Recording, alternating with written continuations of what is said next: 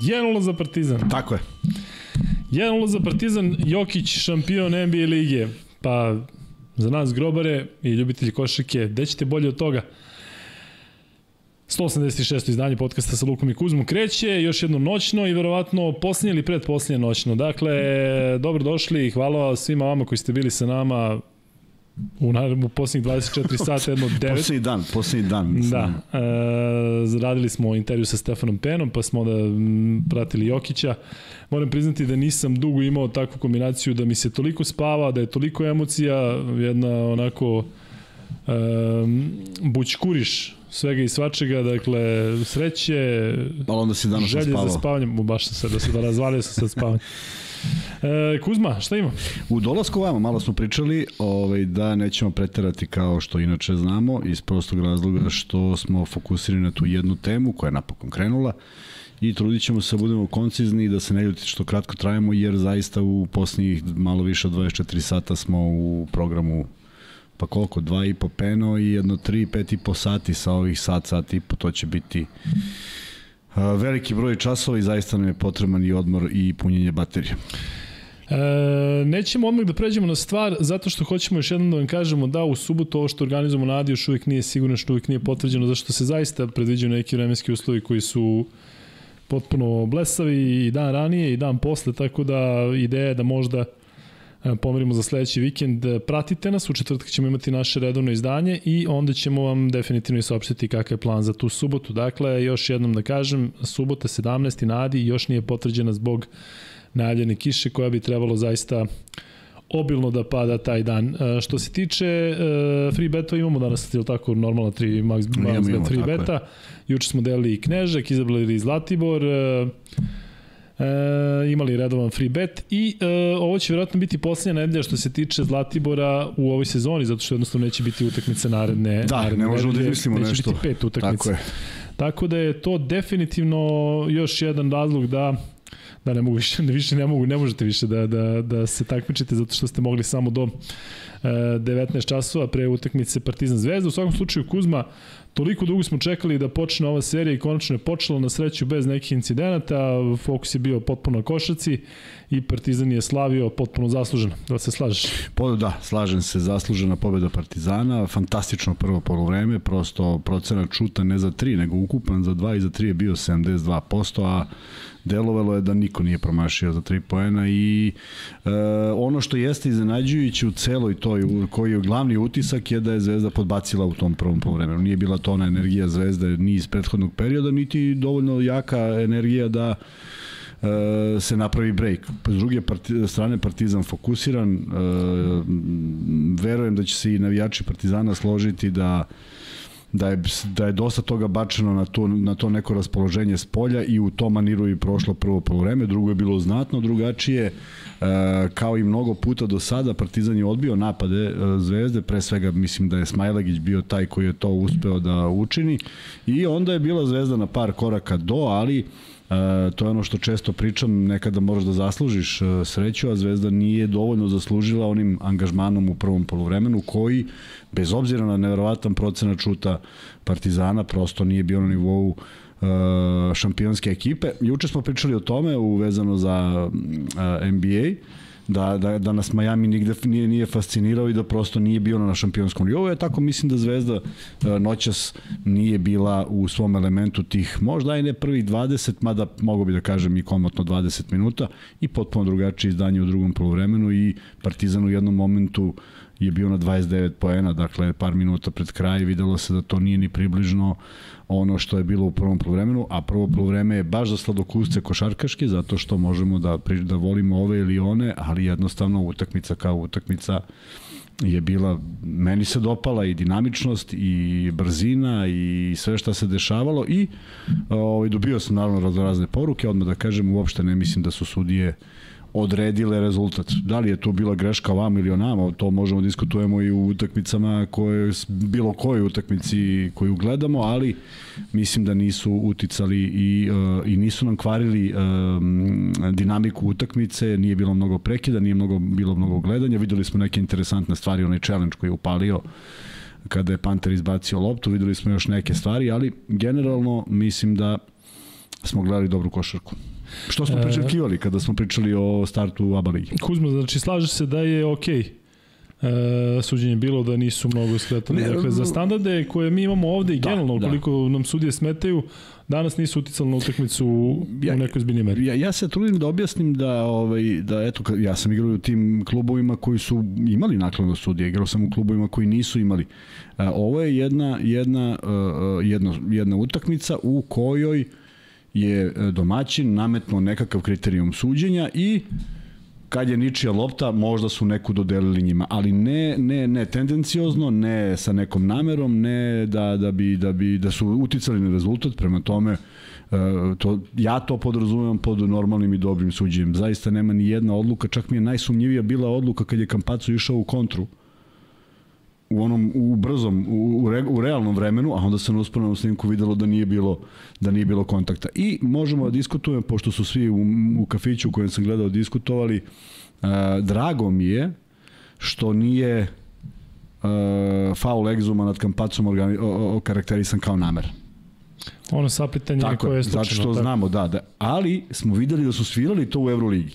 I sad ja bih volao, ja bih volao da se taj kriterijum prenese da kažeš čekaj čoveče zdrav razum, vidiš da čovjek trči, nije uzeo pa pa ga sapleo, nego jednostavno kontakt koji se dešavao, ali kažem u Euroligi ove sezone u 2-3 navrata su to bili ovaj namerni faul i čak mislim da se Zvezdi A šta ti misliš da se to računa kao nameran faul kada zato što tu imamo tu priču da stvarno verovatno nije bilo namera, sa druge strane prekinuta kontra nije bilo blizu lopte. Koji šta se računa? Upravo šta se računa? Računa se da li si ti napao blizu lopte. I zato ja kažem to pravilo mora da se modifikuje, da se izmeni na hiljadu načina ili da se izbriše. Neka ostane da je slobodno sudijsko uverenje.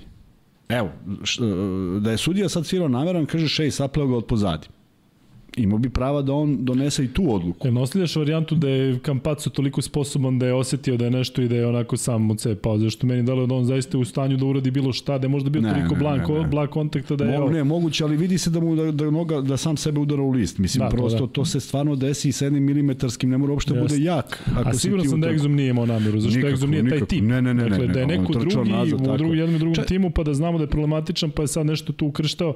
E, čak nije ni ukrštao, čak nije ni ukrštao, da. i on sad išao nešto iza, pa pa, ga mislio će ga zakačiti. U svakom slučaju da kažem da, da su to stvari na koje ne treba obraćati pažnju zato što će ih biti na ovim utakmicama, ali Zvezda prvo mora da pogleda gde su, gde su grešili, zašto je prvo polovreme bilo tako kako je bilo. Partizan isto mora pogleda drugo poluvreme koje je bilo potpuno Jest. suprotno od ovoga, tako da e, velika je zaliha bila u prvom poluvremenu, jedna, jedna, jedna rapsodija što se šuta tiče, maltene, jel ne maltene, svako je pogodio bar po jednu trojku, imali su fantastičan, fantastično veče prvog, e, u prvom poluvremenu, naroučenije će biti ako izvuku pouke iz toga da to nije dovoljno, jer nije dovoljno i da je Zvezda imala malo koncentracije u određenim momentima, moglo je to dođe i u jedan posad, ovako je ostalo na dva i neka neodlučnost u zvezdinoj igri, a pričat ćemo o igračima, je, je proizvela to da nikako zvezda nije bila ispod šest, je li tako bilo? Ja mislim da je šest bilo nešto što je bilo najbolje. Možda pet nije, Ili pet, pa dobro, a to je... E, vidim da ovde komentarišete vi i tražite od nas da komentarišemo izjavu Duške Ivanovića, ali hajde samo ako neko može ovde u live chatu da pošalje baš citat da vidimo ovaj, o čemu se radi, pa ćemo onda da provučemo i to. Ja ću ti parafrazirati, mislim. Mm? Smatra da će pobediti, mislim čovjek. Ne, ali ovde nešto 100%, siguran je 100% Siguran je 100% da će, njegove... da će pobediti. Ja, ja, ja sad ne znam, ovaj, pokušavam da protumačim, šta sad, kao ja sam ljud što je on, ja sam navijač Partizana i sad sam ja ljud što je on ubeđen da će da pobedi. Ne, ovde se komentariše to da nije čestito ni prošli put, nego kao Partizan zna da ćemo ih pobediti, mi ćemo ih pobediti i sad govori mi ćemo ih pobediti, što je naravno iz sportskog ugla potpuno... E, sad ja nisam potpuno, slušao, znači on nema, nema čestan Partizanu. Ovde pišu da, da nijednom nije čestito Partizan. Ali... E, Na čemu se bazira ta sigurnost Duške Ivanovića i posle onog izgubljenog meča Euroligi i sada Vidjećemo. odnosno ABA ligi znači, u regulnom delu i sada... kad se završi znaćemo da li se bazira na nečemu, da. ne znam. Ja iskreno ti kažem utisak moj pred početak finalne serije da je Zvezda u prednosti. Naravno. to, jel si sad promenio mišljenje? Kada si vidio ovu utakmicu i sad kada sam ovu utakmicu, kada sam pogledao prvo i drugo polovreme, mislim da Zvezda to još uvijek posjeduje. Ali su, ali su nagaženi u ovoj utakmici i mogu da budu nagaženi u sledećoj. Dakle, mi to što negde postoji neka pretpostavka, to nema mnogo smisla. Juče smo pričali na tu temu, 42 minus je bio Efes u odnosu na Fener i pobedio je 3-1. Da me neko pita da li možeš se digneš iz minus 42 i da ne razmišljaš o tome, ja, ja bih rekao ne, jer te to pogodi onako imaš jednu traumu ozbiljnu u životu, ispostavlja se da živimo u vremenu kada se to sve zaboravi za 4 minuta i ide se dalje. Ova sledeća utakmica može bude potpuno drugačija, može bude ista, ali hoću da kažem da su to dva protivnika od kojih ne može da se očekuje ovako ili onako. I ima svako prava da bude uh, manje ili više, da širi samopouzdanje, da, da, da, da svojim igračima, možda je to sve priča za sobstvene igrače, možda je to priča za šta god, možda čovjek stvarno veruje, ali meni ta izjava nije, nije uvredljiva. Čim nije uvredljiva, čim on sebe čovjek doživljava da, da smatra da će ja pobedi, Pa imali smo, imali smo priču uh, koliko smo igrača poznavali koji su bili ubeđeni. James, pita ga hoće da izgubi. Pa neće. Možda je to dobro, možda je to loše, ali kad pobedi on čovjek zna da je to mislio tako. Prema tome, ne vidim neki problem u tom. E, Kuzma, sada još malo da se vratimo na suđenje, ali ne u smislu kako su momci odradili posao, već e, sada iz ovog ugla odluka srpskih sudija da ne sude ABA ligu, jer možemo da, da kažemo da to nije uticalo na bilo šta, da je možda čak ispalo i dobro, da bi oni bili pod pritiskom, šta, ko zna šta bi bilo, da nije, ovo deluje kao da je nešto neutralno i meni, eto, recimo, sada, I na početku mi je delovalo to kao odluka koju poštujem, a sada mi deluje možda kao dobra odluka da ne može da se pravi ono, ovaj s ovim sede, ovaj ovom kum, ovaj ovog zna, a ovo, ovo verovatno postoje konekcije sa sudijama koje su sudile i koje će suditi, ali ovako ipak da kažem možda malo taj e, sudijski deo zaštićenja. Vidi, s jedne strane ima, ima smisla to što kažeš, s druge strane da ti otkažu trojica među najboljim sudijama nešto definitivno nije u redu u samoj ligi i šalješ, generalno šalješ lošu poruku. To što su se oni um, odlučili da ne budu meta svega i svačega što se dešava, što mi možda ne možemo da zamislimo kako to izgleda. Ne možemo sigurno. Ovo, ja ih potpuno razumem, ali to onda govori o jednoj ligi koja opet nema dovoljno veliki kredibilitet. Šta sad, kao ne može se kaže pa on došao. Mislim, malo je sve to blesavo. Uh, a u krajnjem slučaju, negde, negde sam čak i to razmišljao i zaista mislim da je mnogo, mnogo pravednije. Uh, ja, ja sam nekako zamišljao Jadransku ligu gde će, gde će srpski sudija da sude u Hrvatskoj i Sloveniji to što se stalno dešava u Beogradu, to je, to je, da ja kažem, problem, ali što nemate hrvatski i slovenački sudije? Ne vidim čak i, ne, ne znam zašto bi srpske morale da budu delegirane. I, i, I obratno, ako bi igrali, uh, nema, nema dva tima koje će igrati, mislim, teško će igrati Zadar i Cibona finale, ali i tu bi delegirao srpske sudije. Onda srpski sudije ne bi imali problem. Možda bi ovi momci imali problem. Otkud mi znamo kako se to tamo dešava? Da li bi oni da. otkazali? E, Šefe, ajde samo stavi, molim, Tony Paul koji smo imali ranije, sada je možda vreme za tako nešto, ne da bi možda pravili neke podele, već zato što hoćemo da vidimo koliko ima koga. I ja hoću iskreno da vidim uh, za koga navijete.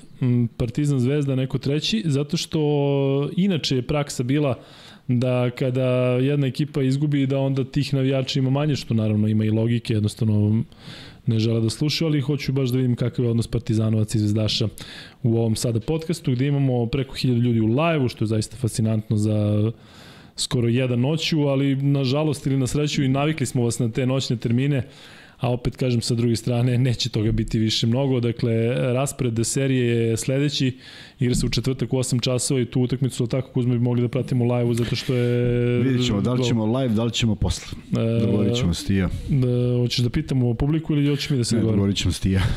da, da će vidimo u kom pravcu ide, ajde.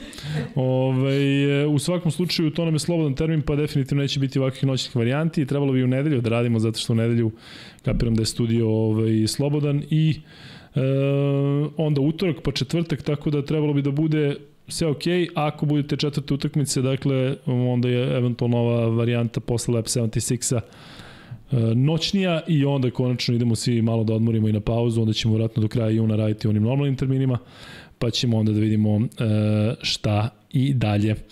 E, dobro, Kuzma, dugo nismo pričali o igračima i mogli bi uskoro da prođemo igrače jednog i drugog tima, nećemo se dugo zadržavati na, na, na na njima kao što to inače radimo i kao što smo radili posle Euroligije, zato što je mrkla noć i mnogo smo umani, ali ajdemo još malo o meču. E, meni iz ugla nekoga ko, ko možda i jeste malo subjektivniji, ovo iz, e, e, što se tiče Partizana, delo dosta dobro u smislu da su zaista dobili, rekao bih sigurno, možda, možda je rutinski preč, preka reč, ali zaista onako prvo polovreme i održavanje razlike, Jeste bilo na kraju malo, malo frke. Došla, došla Zvezda na pet posle trojke Bentila, to znam.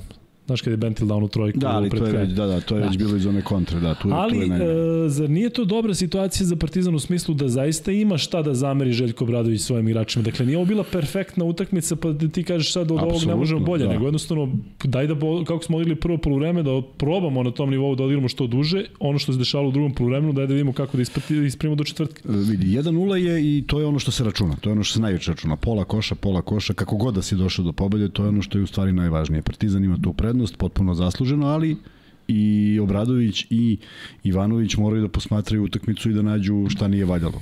Obradović u drugom polovremenu, Ivanović u prvom.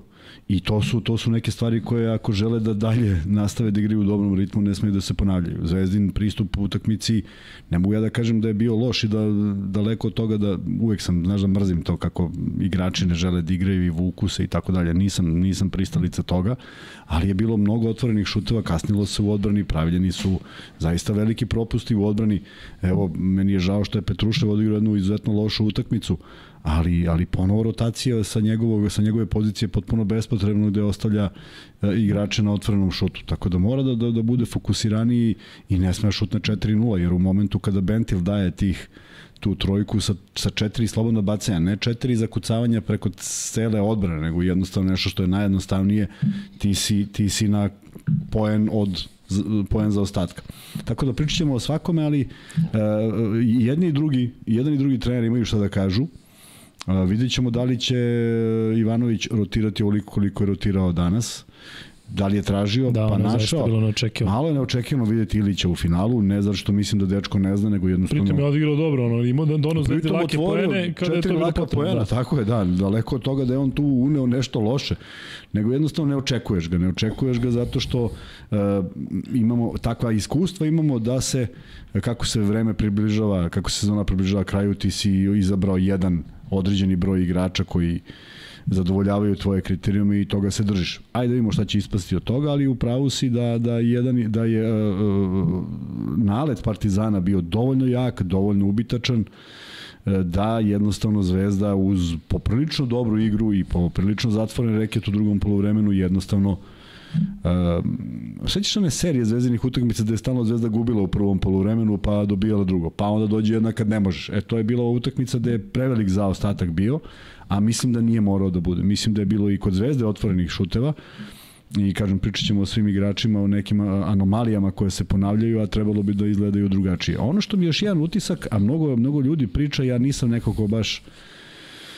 ovaj, pomno prati šta pričaju komentatori i neretko utišam ton, ali kažu da je bilo zaista problema sa tonom, sa utišavanjem. Piše sa... ovde i to je nešto što se dešava već dugo, e, ne znam koliko duboko da ulazim u to. Zato ne, ja ne mogu, ipak... zašto nisam, kažem, ne slušam, pa ne mogu, ne mogu da znam. Ali, ja znam, ali, znam kažu, ali, kažu, ne, ali kažu da nije bio uopšte ambijent kao kada se radi na sport klubu.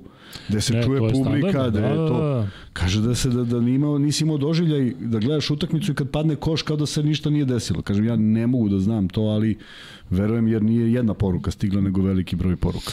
To se dešavalo i ranije i to je definitivno nešto što sada dolazi posebno do izražaja zato što je naravno ova ABA finale toliko u fokusu svih nas.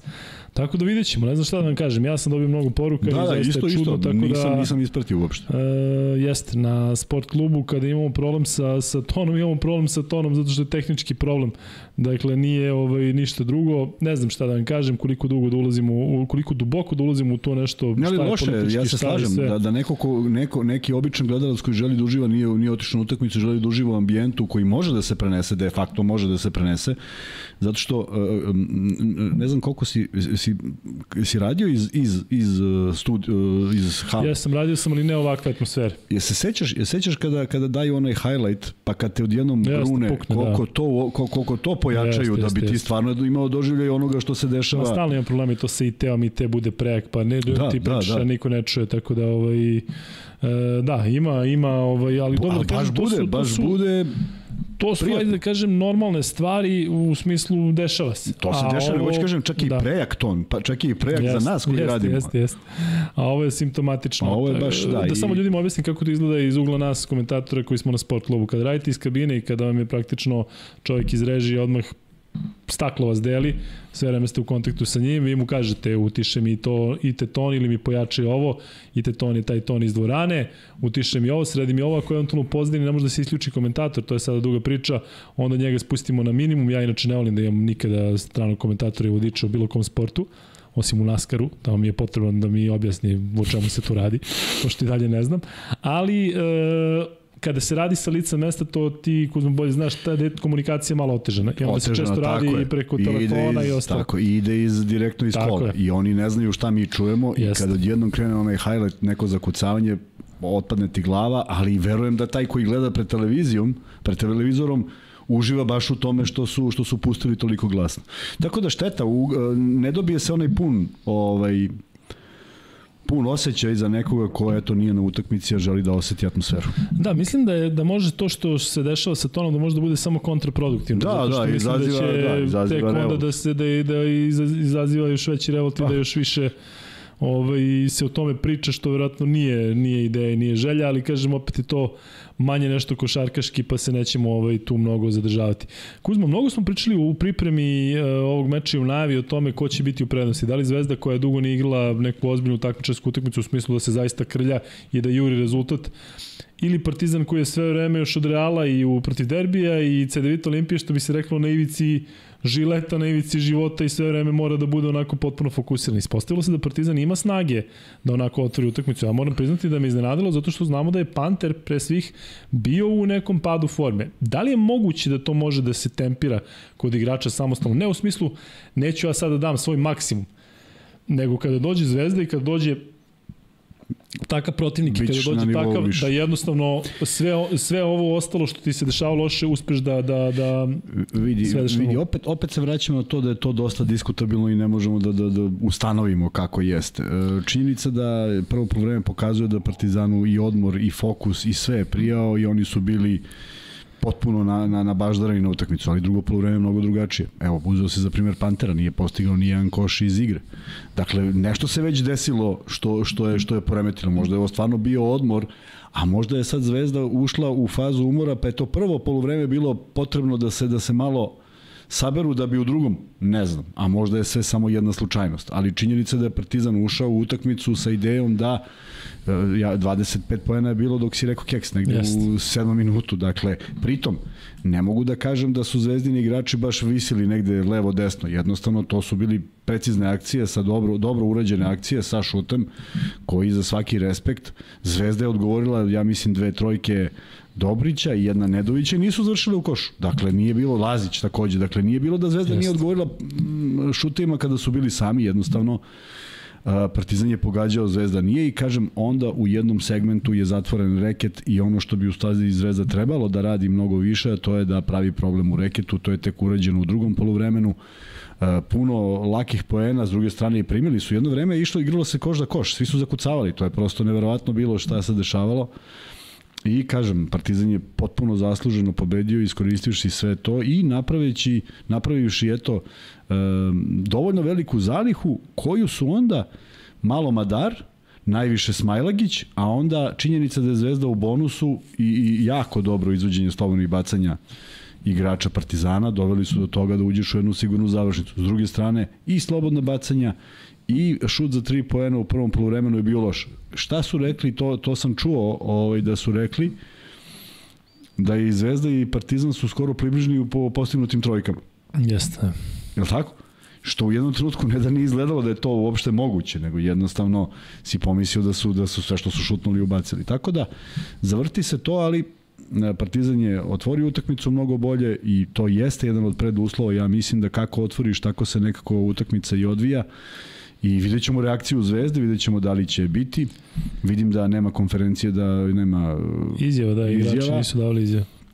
Opet će neko to protumači ovako ili onako. Ja mislim da je u, u momentu kada, kada, kada su tenzije toliko velike, meni neko još i drago što, što nema viška izjava u kojoj može se neko tumači da se kači za bilo šta, tako da ovaj, što se tiče tog prvog e, meča, samo s razlikom ko za koga navija, mislim da je prošao apsolutno u znaku košarke i jedne utakmice koja da smo gledali neke druge dve ekipe, mislim da bi nas držalo za ekranom da gledamo takvu utakmicu.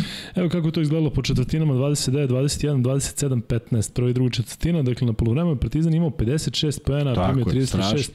za Zvezdinu, odbranu i za odbranu Duška Ivanović i njegovih ekipa zaista je, nedopustivo. U trećoj četvrtini 17, 25, u četvrtoj 15, 19, dakle Partizan je sebi čak dozvolio taj luksus da može malo slabije da uđe u drugo polovreme, slabije u odnosu na prvo što je bilo u neku ruku i očekivano, ali sa druge strane ta neka borbenost zvezde sigurno da im daje uh, onako dobru neku uvertiru pred nastavak serije zato što se ni u jednom trenutku Zvezda nije predala, čak je na kraju došlo do neke uzbuljive završnice što iz ugla igrača Crvene zvezde, a i navijača je e, dobra stvar, zato što da si izgubio 20-30 te neko onako nokautirao, teško, da, da se oporaviš za manje od 48 tako sati je. je teže. Tako da mislim da igrači Crvene zvezde, pos, potpuno, posebno ovi glavni, definitivno imaju, imaju ovaj, da kažem, način želju, ideju i mogućnost da da odigraju bolje. Vidi, ako, ako, ako izuzmeš sve što se dešavalo na parketu, bilo je tu promaša jednih i drugih, ali evo samo uzmi nešto što je bilo već viđeno u košu, to je taj Kampacov prodor, to dovodi na četiri razlike.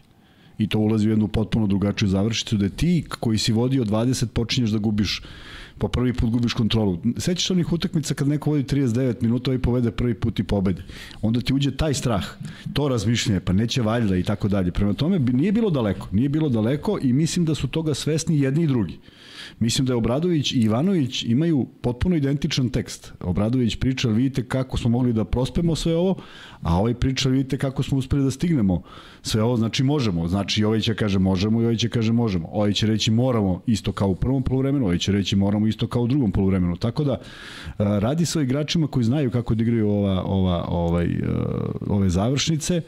Videli smo i dobre poteze, videli smo interesantnu utakmicu i što je najvažnije, kažem, sve nekako bilo u, u, u, u, u domenu toga da pričamo o košarci. Sudije su odradile dobar posao s obzirom na sve okolnosti, s obzirom na činjenicu da su sve utakmice prošle i pretpošli godine trajale ko gladna godina po, po dva i po sata, ova se završila neočekivano, jednom, neočekivano normalno pristup. završavanje košarkaške utakmice. To ti da. kažem. I pritom uh, svidelo mi se u startu, u startu kako su izašli igrači, svidelo mi se ta jedna jednostavnost u pozdravljanju njihovom. Znači svako sa svakim bam bam bam i ćao, kreće se da se igra i nijednog trenutka nije došlo do bilo kakvog fizičkog uh, kontakta koji je prevalazilazio granicu. Ne samo to, već kada je bilo onog slučajnog kontakta, kada neko nekog udari, a nije namerno, vidio se Odmah, Lazarević se izvini Panteru, Egzum se izvini Kampacu, priđe se da se proveri da li je igrač tako uh, ok, Smajlagić kada je pao, ono što je bilo zaista lepo, oko njega je bilo 6-7 igrača, i jedne i druge ekipe, da se vidi da li dečko dobro. Ma naravno, pa što je, kažem, apsolutno tako. za mene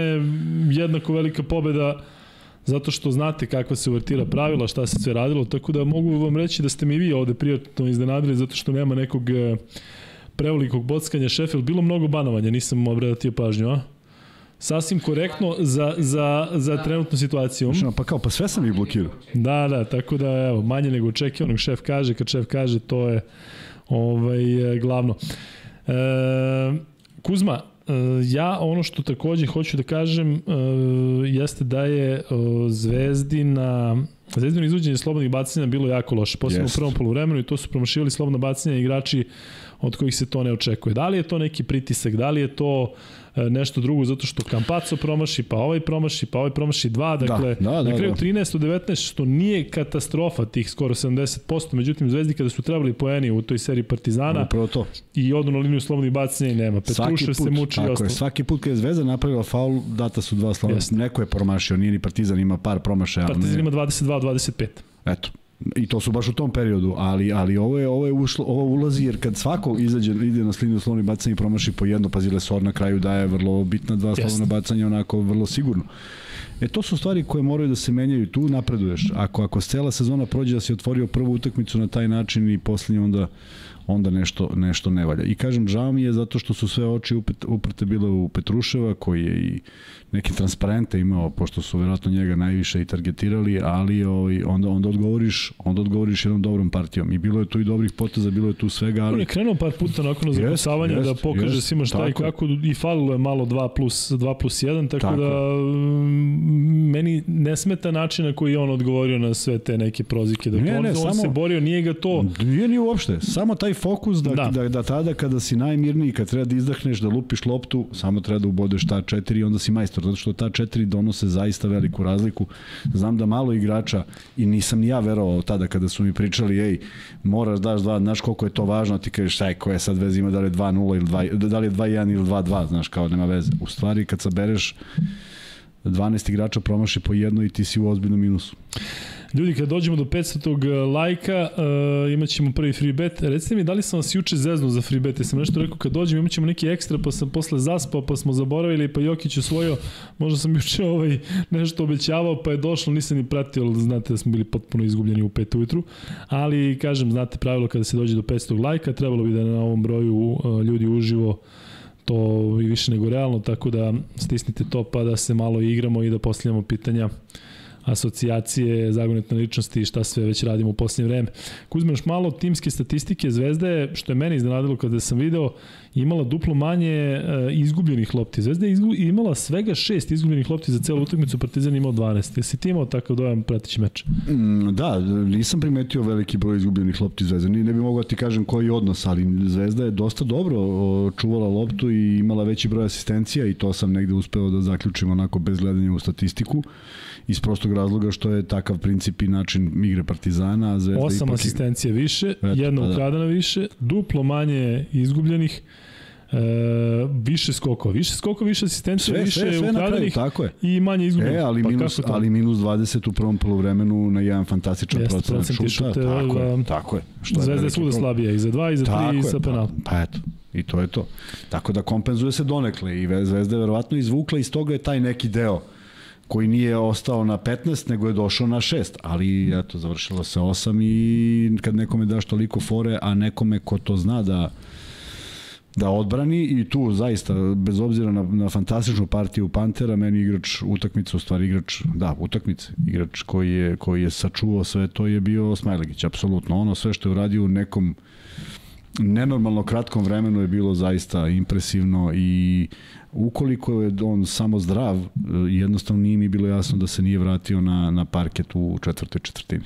E, Kuzma, preširoka rotacija zvezde koju si ti pominjao, šta donosi dobro, a šta loše? Ta iznenađujući. Dobro je sigurno za igrače koji nisu očekivali pa mogu da osete i da donose nešto dobro, ali to je individualno. Dobio e, Ivanović od te široke rotacije tih igrača koje nismo očekivali, dobio nešto? Na, nažalost, nažalost, čini mi se da nije. Iz, iz kog razloga? Zato što ovaj, e, može da se desi da Nedović kao jedan od najboljih napadača Zvezde malo zakasni za Andjušićem e, kada šutira trojku, ali to ne sme da se desi onom igraču koji to, kojem to je jedini cilj, pa taman porušio sve do, to, do, do Andjušića, srušio ih sve, ih izbacio u aut, napravio četiri faula dok trči prema njemu, ali ovaj ne sme da ostane sam.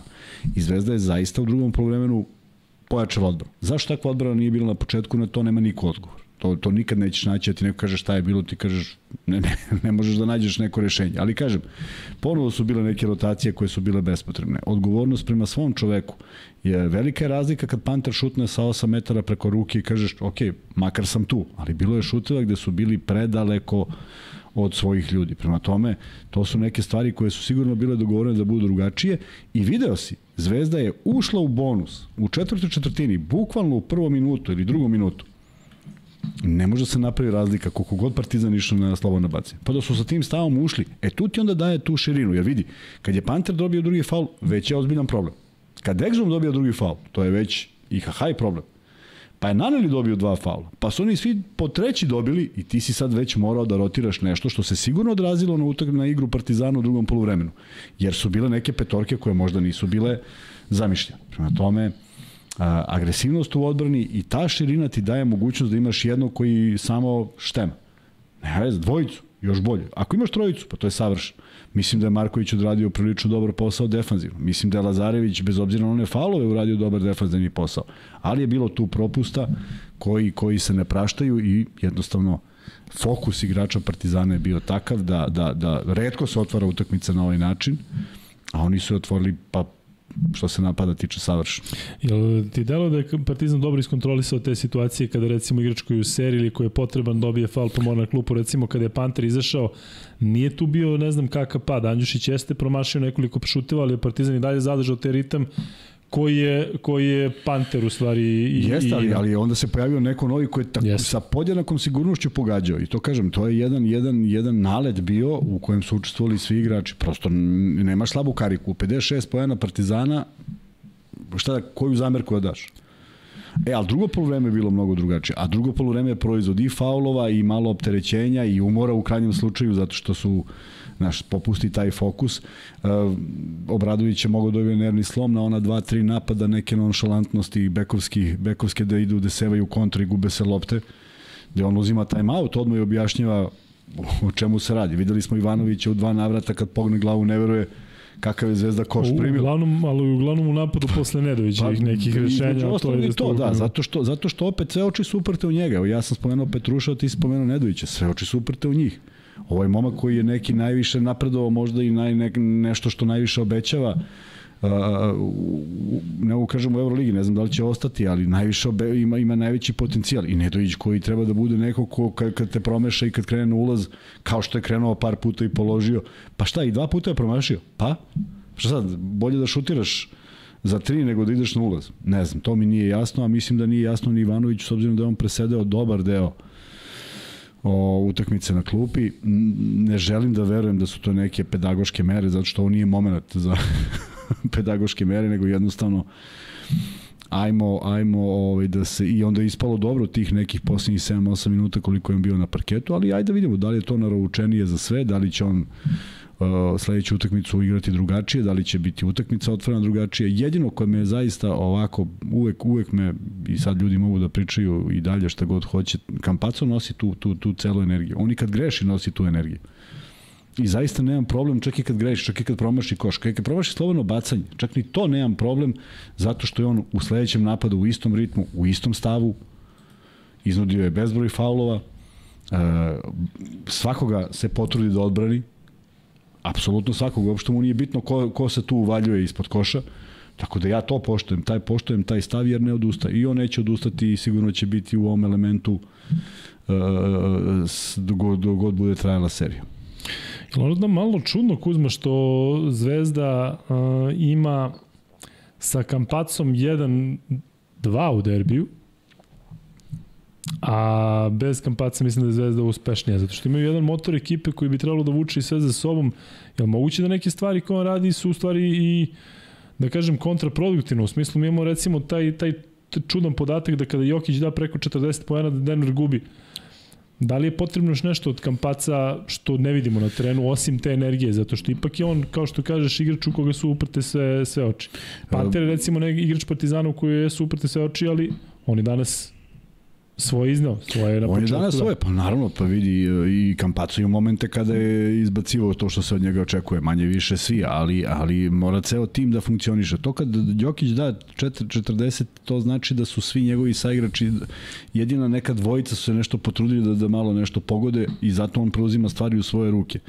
Uh, juče smo pričali o njegovoj statistici i rekao sam da neće prebaciti 10 asistencija, ostao je na 4-5, koliko imao jer je 17 lopti dodao u prazno faktički. Jeste. I onda kad, ako se tako desi i nema čak ni onog razuma da neko ode na koš i da položi, onda on preuzima stvari u svoje ruke i zato on dolazi do većeg broja poena. Zato što je ostatak ekipe zakazao. Tako ja posmatram. Ne zašto je on hteo da bude najbolji, nego zašto je ostatak ekipe zakazao. Tako da u slučaju Kampaca ili u slučaju Pantera, mogu da razmišljam i ovako i onako. I meni je energija koju on donosi i uh, načina koji distribuira lopte i promašaj koji su desili pored toga, po, posle toga kad distribuira lopte, ipak više govori da taj fokus mora da bude kod igrača koji treba da iskoriste asistenciju. Ne može Bentil da šutne i, i Petrušev da šutnu dve trojke 45 stepeni jedva dobaciš, ovaj nije ni dobacio, da. a onda iz polu kontre, kad, znaš ono, kad se stiže rezultat, kad nije toliko bitno, onda on iz nekog okreta prema košu da trojku ko kap. Mislim, prosto neverovatno, a to zavisi stvarno od svakog igrača po nosu. Znaš, znaš šta konkretno, mislim, doći ti konkretan primjer. Uh, slažem se potpuno sa tom da Kampacu donosi to što donosi, ali on možda tim nekim greškama koje napravi ili promašajima uh, jednostavno znaš da će sledećem napadu već da se popravi. Imam utisak da bismo mi i da bi ljudi ovde da je recimo Lazarević promašio ono u kontri za minus 6 na minus 4, da je promašio Bente da bismo rekli, eto vidiš. Ili Dobrić da bi rekli, evo vidiš, nema fokusa, o, ja, ja, mu se dešavalo, ja za to kažem. to bi ne, bilo ne znam šta. Ja za to kažem, ne, ne dopustio da promaši, bez da. obzira što je tražio kontakt. Tu, tu nemam, nemam šta da kažem. Ne sme da se promaši u tom momentu. Taman primio rampu, pa šta te briga, ideš. Ali on je stvari napravio najgore moguće, jer je sernula i kontra.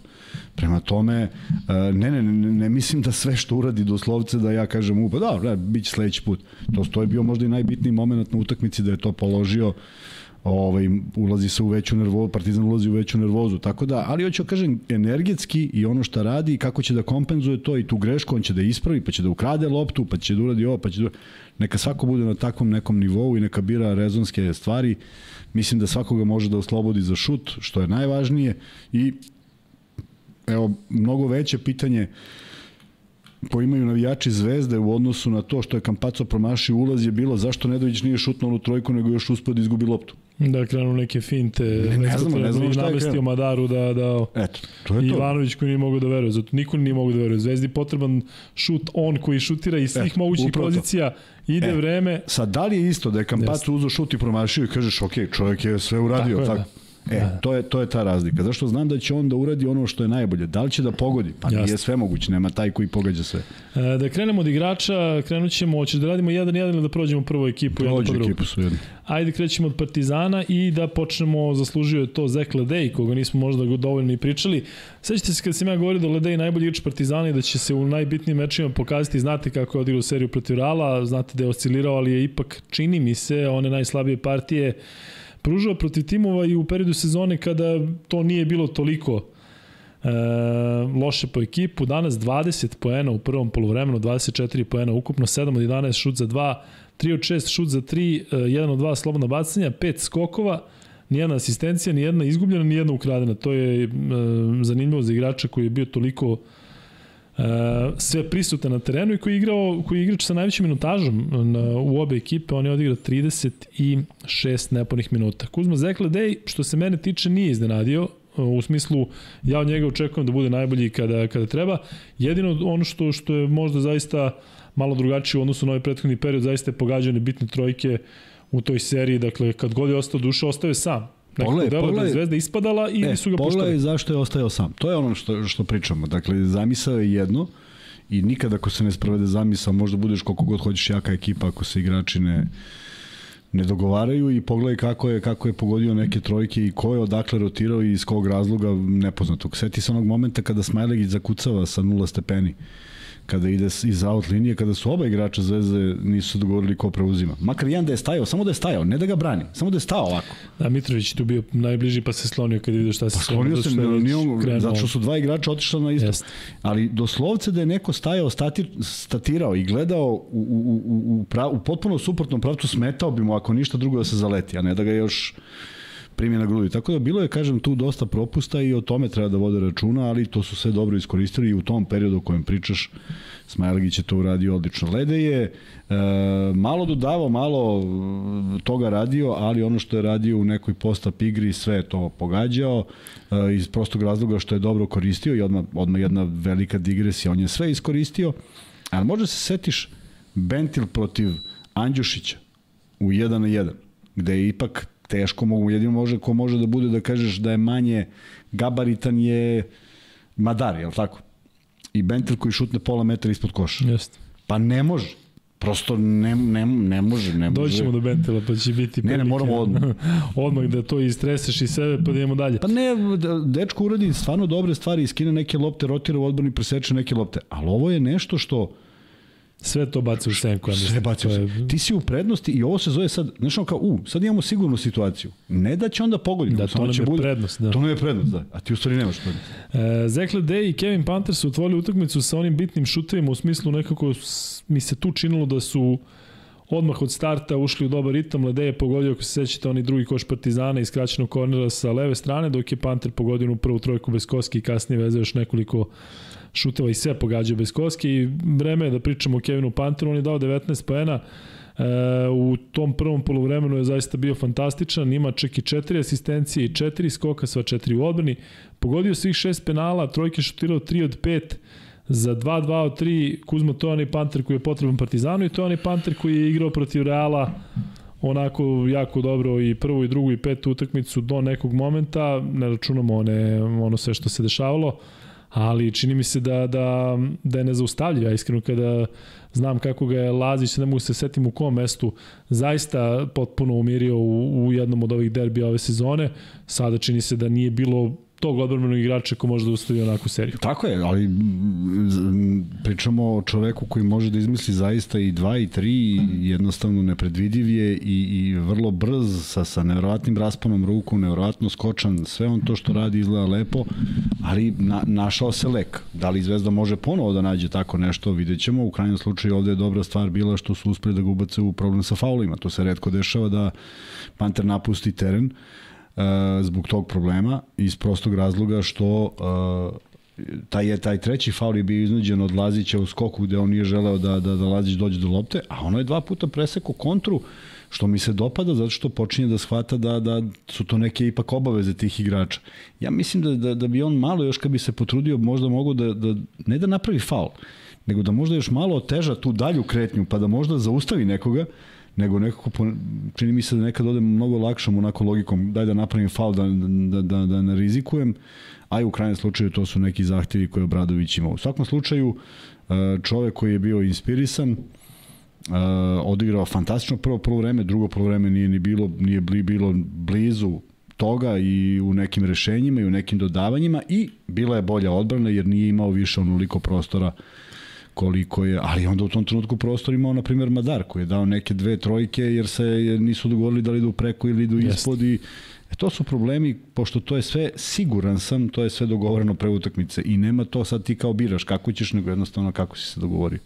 Smajlagić, e, iznenađujućih 14 minuta, samo 14 minuta za igrače koji je odigrao skoro bez greške, 11 poena uz šut iz igre 5 od 6, ima ono jedno sjajno zakucavanje. Čini mi se da on najzaslužniji za to što je odbijena serija Zvezde početkom i sredinom treće četvrtine, e, dakle nekoliko njegovih vezanih poena, zakucavanja i nekako je opet e, Partizan ušao u jedan mirniji period. Pored e, tih 11 poena Smajlagić imao i 4 skoka, ali Kuzma neigranje Smajlagića u, u nekom većem obimu i nekim bitnim trenucima, ja i ti kada smo pričali, ja sam to objasnio da verovatno postoji možda i neki udarac ili neka povreda zato što je zaista dečko pokidao bar to vreme koje je bio tu. Ne može glupo je sada pričati kako ne znam šta zašto je Partizan dobio. Da, ne, da. ne možeš, naravno. Ali e, delo je da je danas zaista svaki sekund iskoristio maksimalno. Jeste, jeste, apsolutno i čak i onu loptu mogu da sačuva što je ocenio da procenio da će Marković da, da, da ide u dribling, izbio je malo jače, mogo je to da bude i Mogu je da je stigne, mogu je da bude čista ukradena, nije bila, ali neverovatno zalaganje i neverovatna želja i ti ta neka zakucavanja onako beskompromisno ide na koš, nema, nema, nema nekom da padne na pamet da se postavi. Doduše zvezdini igrači su mu zaista u par navrata omogućili takav zalet, ali svejedno treba, treba i to smeti. Imaš igrače kao što je jedan u zvezdi koji ne sme da ide u reket. Aj, čik, pogodite ko je. Da, pogodite. Free bet pitanje. Uh, Kuzma, uh, da li ti delo da je Smajlić ozbiljno sazreo i napredovao tokom ove sezone? Znamo da je on jedno vreme malo odsutovao, ali uh, kada se vratio malo po malo, postoje ozbiljan šaf u, u igri Partizana. U onoj prvoj utakmici protiv Reala, mislim da je ako je uopšte bilo poljeno samopouzdanje da ga je potpuno vratio i u ovim trenucima, ja moram iskreno da kažem, evo i vi nam recite šta mislite, meni on nekako sigurnija opcija od Lesora koji Ima energiju, ali dosta oscilir. Znaš, kad, kad ću ti dati odgovor na to pitanje? Kad ono bude imao 20, 20-25 minuta? Jer to je, to je jedino nešto što ostaje misteriozno zašto nije. Da li pad koncentracije, da li zamor, da li nije spreman, da li bol, da li hiljadu ima nekih mogućih razloga, ali to je onda, jer na 14 minuta uzorka, 9 minuta kako igrao, on igrao i 9 minuta i davo 9 poena. Jeste. Nije, nije, ne može doći do toga da li je sazreo. Samo to hoću da kažem, da igra bolje. Nije da. dovoljno veliki uzorak, je tako? Nije tako, dovoljno tako da, da govoriš, da nismo videli. Tako da. je, da govoriš o zrelosti u igri. Inače, o učinku, apsolutno nemamo šta da diskutujemo o ovoliko koliko je napravio, ne, neko ne napravi za celu utakmicu, Jeste. ali zrelost u igri se pokazuje kada si ti na parketu mnogo duže i kada ne praviš te bljeske, nema ono kao sad dao si koš pa se samo tako meri nego neko nije dao koš, negde si dobro postavljen, negde si dobro zagradio i tako neke stvari, pa vidjet ćemo, on je mlad i zaista uh, da ga nije poremetila na povreda tokom prošle godine, verovatno bi sve to drugačije izgledalo, ovako ponovo je u, u dobrom elementu i vidjet ćemo, vrlo, bitna, vrlo bitan igrač za partizan. E, Kuzma Papa Petru standardno loš, rekao bih, dakle on e, se nije mnogo ove sezone isticao, jeste u onom jednom derbiju protiv Zvezda, ali taj derbi je Partizan izgubio, ako se nadam to je bila ona prva utakmica u ABA ligi. Jedan poen za 13 minuta, e, dva, jedan od dva slobodna bacanja, dva skoka, jedna asistencija, koliko čini mi se da Smajlegić koristi svoje minute i svaku priliku, toliko mi se čini da Papa Petru nikako da izađe iz te neke zone sumraka i igra mnogo ispod onoga što smo svi očekivali. Pa igra ispod onoga što smo, što, što smo očekivali, naravno što ja. Hmm. Ne, stvarno igra ispod onog nivoa koji smo najavili kada smo čuli da je potpisao, e, to traje i bilo je tu nekih dobrih utakmica, ali bilo i onih baš loših i ja mislim da je on danas ušao u igru zato što je morao. Tako mi deluje. I meni isto, da, oni ušao negde sredina, drugi, početak druge da. četvrtina, ali nešto bilo sa faulovima. Ba, ba, ba, ba, mi daje da. sada neku, neku, neku petorku koja mora da postoji. Tako da ne verujem da su mnogo očekivali od, od, od, od možda ni on sam nije očekivao. Ne deluje mi kao čovjek spreman za utakmicu, ali Ovaj, to je na Obradoviću naravno i uopšte na ideji šta i kako, međutim potpuno si u pravu. Jedna sezona koja se evo baš baš je onako sublimirana u ovoj utakmici tu je, a nije. E, pokuša nešto uspe, tamo nešto dobro uradi, onda, onda ga nema, ne postoji. Tako da nije se snašao u nečemu, ne znam šta mu to nije prijalo, jer mislim da je on bio projektovan za all-around igrača koji će baš taj prljav posao da radi i da, da bude zaštićen što radi taj posao i da ga radi fenomenalno i da ga niko ne pita da li je 2 ili 18 poena, nego jednostavno da, da ti vidiš da je on svuda i konstatuješ da je on svuda i onda kažeš čita statistiku i samo preskočiš pa pa Petru jer te ne zanima koliko je dao poen. Ali e, moram ti reći jednu stvar, kod njega pa, pa nemamo jeste. Jeste. Kod njega nemamo ovaj nikakvo opravdanje. U smislu ne možemo da kažemo da je mlad igrač. Znaš, kad je mlad igrač pa sada da čekamo da ga, kao što recimo kod Trife imaš uh, razumevanje kada su neki loši periodi zato što ga čekamo i naš je. Opet sa druge strane nije domaći. Sa treće strane pa pa Petru je neko koji je ove sezone imao minutažu. Dakle, mi za Andjušića stalno govorimo znaš, kako bi bilo da je igrao više, pa da li bi ovo, da li bi ono. Pa Petru je igrao, neke utakmice imao i možda najveću minutažu uz Lesora i, i ove, ali e, nije to to. I ja zaista kažem, neće mi nedostajati ako ode i mislim da je realno da ode Ništa protiv dečka nemam, dakle svaka čast za zalaganje, potpuno je profesionalna, ali što se tiče onoga što treba da isporuči, to nije ni blizu da. njegovog renomea. Dan Tegzum 8 pojena danas, od čega 6 sa penala, odakle ima 6 od 7, ima 4 skoka, 4 asistencija. Nemam zaista nikakav problem sa ovom partijom Dante Exuma, zato što on uh, pogađao ta bitna slobodna bacanja, bio siguran, podelio 4 asistencije, jedino više od njega ima Madar, E, imao četiri skoka, bio je tu, dakle nije Exum danas briljirao, niti se istekao na bilo koji način i on je zbog e, tih problema sa faulovima igrao manje, 18 minuta, ali ja kažem, Exum je Exum, dakle radi šta treba za ekipu, danas je dakle e, malo šutirao, 1 od 3 za 2, nije šutirao za 3, i kažem očekujem da Exum ovaj, bude učinkovitiji u napadu, ali nekako mi se sviđa to kada Exum vidi da Pantera ide, kada vidi da i Nalni dobro krenuo, on tu ne pokušava da se ugura kao neko ko sad, znaš, ovi su pogodili. Po svaku cenu. Da, nego igra koliko treba, koliko, koliko to dozvolja ali, utakmica, ali gleda sa igrače. Ne zbog čega još, zato što su im drugačije, ovaj, drugačiji su im karakteristike. Jeste, način napadanja i stilovi, da. Tako, isto ko što Panter sigurno neće uzeti loptu i da se spusti odmah nekom Jeste. ispod koša, to će Exum da uradi.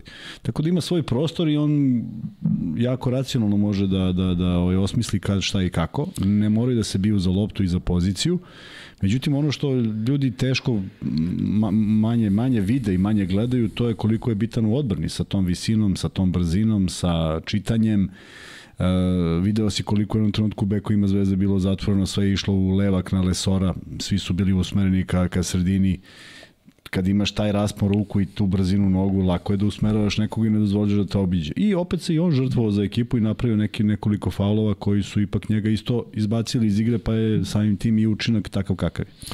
E, naneli samo tri poena, to je ono trojka u prvoj četvrtini ja mislim da nas je Naneli ove sezone naučio da ga ne kritikujemo zato što će biti dobar kada to bude potrebno, ali danas, e, rekao bih, e, jedan od slabijih igrača Partizana što se tiče učinka 0 od 4 za 2, 1 od 3 za 3. Njegov povratak na teren je bio loš. Jeste. A ne, ne promašajima, nego energetski. Da. Videlo se da, da uopšte nije više u onom e, kao iz prvog polovremena, taj neki fokus. Odjednom, izbor šuteva jako težak, govor tela nije bio, nije bio kako treba i ne samo kod njega, kod, kod, kod mnogih igrača Partizana, ali napravljena je takva zaliha jer ta trojka koja je postigo, to je jedna u onoj seriji trojki kada si u ozbiljnom problemu u odbrani kako da moraš nešto da žrtvuješ, a ne znaš baš koga da ostaviš u tom momentu i to je Partizan iskoristio. I koliko god to sad bilo samo 3 poena, ovaj samo 8, ovaj samo to se kad, kad se nakupi bude ozbiljno dobar broj poena, naravno u momentu kada se ta razlika pravila. Da ne zaboravim samo ono što sam hteo nekoliko puta da kažem, ali čini mi se da Partizan zaista nema sreće sa tim igračima, recimo na poziciji broj 3, kada govorimo o evropljanima koje i dovode, sećate se Kuruc, pa sada Papa Petru, sećate se Painters kada je došao onaj uh, da je tonac onako koji je dobro igra u Šafaki, onako zgodan, zna da izmisli neke pojene i onda dođe ovde i raspadne se. Ima još tih primjera, ali eto ta neka pozicija 3 nam nije baš uh, uh, srećna. Uh, Kuzma, Matijas Lesor, da nam je neko rekao na, u onom dobrom delu sezone kada Lesor toliko dominirao da će Lesor da da 9 poena i da ima 5 skokova, rekli bi pa to je katastrofa. Međutim, dečko je danas odigrao bez greške u smislu dva puta šutno za dva imao na dva zakucavanja, od toga ono jedno 2 plus 1. 5 od 5 slobodna bacanja. 5 skokova, svih 5 u odbrani fale možda malo njegovi njegovi fale mnogo, fale mnogo, jer su se ovde pokrili dobrim šutom. Jeste, da. Ali kad je dobar šut u napadu, onda je teško da ostaviš skok da, u napadu. Skok. ne, ne, malo, malo nemoguće. Nemaš sve. E, iznudio faulove kad treba, dakle, kažem, statistički to kad kažete Lesor 9 pojena 5 skokova, to onako deluje slabo, međutim, on je danas opet bio... Ne, nije, nije u svom elementu. Nije u elementu. I u nekim faulovima koje je napravio, i u nekim Jest. ispadanjima iz odbrane, i u nekim stvarima koje mu nisu ne priliče mu. Jel misliš da mu smeta to što ulazi sa klupe? Zato što ne, spratimo da je ove sezone bio mnogo onako kada odmah ne. od starta on zapne, pa zakuca, pa navijači Mislim ovako da to ipak... ne veze. Mislim da, da, da čak i nas sprema na to, dakle nije sad to iznenađenje, kao on znaš, sedi u slučajnici supka nogom, a ovaj ulazi kao ti ne počinješ. Znači nije ni to, nego je sve stvar dogovora da zna da to tako sledi, tako da ne verujem da jeste, ovaj, ali prosto, prosto bilo je bio onaj period utakmica da je bio neverovatan u smislu koliko je to bilo potrošeno energije i valjda se u nekom momentu neka baterija isprazi, ne može traje večno. Mislim, preduga je sezona. E, Trifa 4 minuta, ništa nije stigao za to da uradi, tako da ga nećemo mnogo ni komentarisati, ali eto, igrač sa najmanjim minutažom danas u Partizanu. Stižemo do Anđušića koji je imao mnogo veću minutažu nego što su mnogi očekivali, ali to se neko pogodilo i sa tim ličnim Pantera. Tako je. 18 minuta, 5 poena, 1 od 4 za 3 i dao je oba slobodna bacanja. Andjušić je danas bio nekako, kada govorimo o Andjušiću i Lazareviću, oni e, su toliko, ajde da kažem, do, doveli sebe u fazu da ne očekuješ mnogo, pa kad bilo šta urade, to ti nekako ovo. Nažalost, Međutim, da. i dalje e, taj huk sa tribina kada Andjušić promaši šut, šut za 3 poena, čini mi se da on danas još pod većim pritiskom vidio si ono, Jest. onaj šut iz levog ugla kada nagazi, nagazi out liniju. Dakle, baš sa, se... sa odličnom kretnjom, sve je odlično i već vidiš loptu u košu, Jest. a on nagazi liniju. A pritom u odbrani čini mi se da ispada manje nego ranije, jesu te njegova ispadanja onako vidljiva, baš ih vidiš zato što očekuješ da, znaš, pratiš ga, ali gleda da napravi faul kad treba, videlo se nekoliko puta da je na pomaganju dobar. Ja se nadam da je ovo možda pokazatelj i znak da bi Andjušić mogao da bude bitniji faktor u ovoj seriji, čak smo to i najavili. Ja mislim da je najveći problem, bez obzira što nije izgubio mnogo lopti, taj, ta procena gde je dodati loptu. I da to najviše Jeste, ljudi mu upada. Kad je dao ruku, skoka da... u ruke, to kad to, to prosto ostane zapamćeno i sad ti on ne znam šta treba da uradi, Jeste, to ti ostane... Baš nesigurnost. To čim ono, baš onako čekaš e, da... To je proizvod toga što on nema, ne, ne osjeća se konforno uh, kraje sezone pričati zbog čega je to tako, mislim, to zaista za analizu stručnog štaba Partizana i oni najbolje znaju kako to sve izgleda, ali mi smo uvideli da kada god je on trebalo da poentira, čak imao neke utakmice da je za 9 minuta davo 9 poena yes. 3 trojke, a onda šutne 3-0, a onda uđe u problem u dodavanjima koje prolaze, uvek nekako čudno, nekome kroz noge, nekome iza leđa, dakle, jednostavno nije u svom elementu, meni je žao, on je bio vrlo ovaj, ovaj, ne ukažem euforičan, ali vrlo srećan što je u Partizanu i u najavi sezone Jest. kada smo pričali s njim, bilo nam je drago da je tu kao neko ko se vratio iz Evroligije da pojača Partizan, to nekako zvuči poprilično dobro i zaista smo mu se nadali da će imati bolju ne tretman, ne to, nego bolju minutažu da će zaslužiti, jer ja mislim da teško da neko tu sad ima tretman, a da ne zaslužuje. Dakle, to, to da, kod da, da, to Obradovića i Ivanovića to malo teško.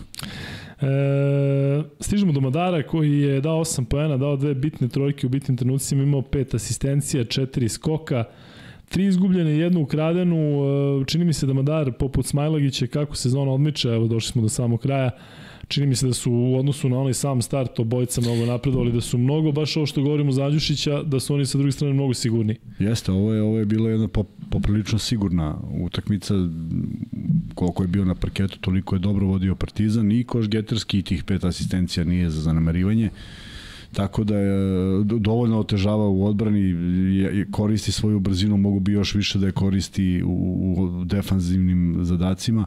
Ali... Baš ono što mu idu ispod bloka onako, pa neku ruku možda i provociraju šut, je to... Ne mislim da su ga namerno provocirali. Mislim da je samo jedan nesporazum. Mislim da je Lesor toliko gabaritan da ti sad pokušaš da fintiraš, pošto znaš da dolazi prvi pa drugi blok, to verovatno su da. gledali i sad ako zapneš na prvom, Madar odlazi u stranu i ne stižeš ga. A ako odeš ispod, on se vrati kor korak i napravi problem. Tako da na tome će morati da porade makar, makar nešto drugo smislili, ali ovako ne ide jer zaista dve trojke koje je dao dva puta su išli ispod bloka što se ne radi. Kuzma Balša Koprivica nije išao što nije iznenađenje, da. Aleksa, Aleksa Vramović nije igrao što da, on je bio tu i mislim drago mi je što je na klupi, nisam se nadao da će igrati, niti bi ga neko bacio u vatru pošto prvo znaju kakav je, a drugo pitanje je koliko je to sve ovaj, povreda srasla i koliko je u funkciji samo to je još nešto. šuterska ruka, tako, ali... Samo još nešto bi mu falilo da, da, da na kraju u posljednjim utakmicama iskomplikuje. Ali zar Kuzma nije u ovom trenutku možda Aleksa Ramić najpotrebniji Partizanu baš da radi to što, za što mu ne pa treba lopta, ali, to je da bude agresivna pa kapacu. ali mora probiješ blok. Znaš, ti mora nekom rukom da probiješ blok, mora čačneš neku loptu, ne možeš ti sad on kao tuti, a ti... Jasno. Čekaj, ja da malo, malo me obolucka. Znaš, da, povuče, ne možeš da staviš povuče, iza leđa i igre, da. Naletiš nekom, naletiš nekom u bloku ovako i pozdraviš se, mislim, ne, ne, ne želim da zamišljam, tako da verujem da ljudi tamo koji se bave medicinskim delom da su da su procenili da je on da je lepo da bude sa ekipom, da je on neko ko daje podršku, da će on sa svojom energijom tamo da podigne atmosferu na klupi, ali van toga teško. Mislim. Ali volio bih zaista da ga vidim kako se da, sa kampacom da, da, krlja, da, u smislu da, pa to defanzivno, pa da ga tera onako pa na, na na još neki veći da, problem. Da, pritom to može Kampaca da još više motiviše, tako da taj duel meni, ajde da kažemo, onako baš ovaj, nedostaje. Vidjet ćemo da li će ga biti u nastavku serije. To je to što se tiče igrača Partizana, prelazimo odmah na igrača Crvene zvezde i krenut ćemo od Kampaca. Kuzmo 15 pojena, 10 asistencija, 4 skoka, E, nad njime napravljeno 9 faulova. Međutim, šut za 2-0 od 5, šut za 3-4 od 9, bilo i loših šuterskih veče u smislu šuta za 3, ali tih 0 od 5 za 2, za kampaca za koga znamo da onako brzo zna da stigne do koša, Jako dobro, jako, jako su... Uh, jako malo prostora ima u reketu. On mora da pronađe neki šut, sve je to stavljeno u kontrolu da, da on kada se zaleti da ne nasedaju na to i to Zvezda mora da pročita iz prostog razloga što je njemu najteže da prođe kroz šumu ruku. Računaj da tu bilo neko zakucavanje koje on pokušao, tako bio neki, neki moment, nešto je promašio neki zicer za sam od sebe, računaj da je to onaj 0 od 5 onaj drugi sa Panterom kad je bio u kontri, tako da su to zaista neke nevero, neverovatne stvari i otuda je tu 0 od 5 jer su, ne dešava se to svaki dan. Ali veliki pokretač jeste 4 od 9, računamo i ovaj, da da su to one neke trojke pred kraj u par navrata koje nisu proizvod neke dobre akcije nego proizvod toga što moraš da stigneš, ali kažem, neko ko, ko pokriće celu priču i ko ima ne, beskonačnu energiju i koga možda treba da bolje prate sa igrači, da nekada nešto ovaj, procene i završe sami. U svakom slučaju, kažem, volim da ga gledam, sviđa mi se dinamika kojom igra i mislim da stvarno može da bude onako veliki pokretač za druge to treba da prate svi i zamislite da su svi na nekom tom energetskom nivou, to bi bilo divno. Kuzme, imamo jednu nevjerojatnu situaciju da imamo više glasova nego trenutno ljudi u live ljudi dođu glasovi i odu. I odu, a? Pa 1312 glasova, 276 lajkova, dakle nismo ni blizu 500 toga, ali ajde, malo ovaj, promašite sa ovog glasanja, pređite na like pa da dođemo do prvog e, free beta. E, Kuzma, nastavimo dalje sa igračima Zvezde, e, tu je odmah Lazarević koji igrao 10 minuta, 2 poena, tri skoka, asistencija ukradena, nekoliko faulova, onaj jedan ko, s kojim se nije složio pa je dobio tehničku, ali neko malo pre pisao, kaže, ako je Stefan Lazarević bio dobar, ja ću da se obesim. Međutim, Stefan Lazarević ove sezone igrao malo i znamo da je bilo prilično problema, tako da ovo što je danas za 10 minuta dao, nije loše za zvezdu. Koliko je dao? Dao je dva pojena, imao tri skoka, jednu asistenciju i jednu ukradenu. Nije, nije mi, nikad mi nije bilo bitno koliko, on, koliko, koliko on poentira, da li će dati 2, 4, 6, nikad neće izaći iz okvira da on uzima neke šuteve i sam nešto radi. Iznudio je faul na Ledeju, napravio je dva faula, mislim da je bezrazložno dobio tehničku, zaista mislim zato što niti je gledao u sudiju, niti je bilo šta bilo, mahnuo je rukom. Ne volim najslabija karika kad dobije. Meni Lazarević deluje kao najslabija karika u Zvezdi. Trifunović možda u Partizanu. Ne volim kad oni dobijaju tehnički. Nemoj. Propusti budiš meker sudije i priđemo i kaže nemoj sine to da radiš. Da, ovako deluje da je ono... Ovako on kao, jes, a ovi kao, Znaš, čekaj, nit mu rekao, nit mu opsovao. Pritom su bojice sjajni momci, sećamo se da je Trifa dobio protiv koga, protiv Derbija ili protiv Cedevite dobio onu, onu, onu tehničku. Upravo to. Ovaj, dakle, delo da oni nemaju prava na bilo kakvo, ovi igrači koji imaju kredit, sa njima ćeš i da pričaš, sa njemu ćeš i da priđeš, pa da mu kažeš Tako smiri se. A šta je, je drugačije od ovoga kada Lesor padne dole, moguće da nije faul i uradi? Šta je razlika?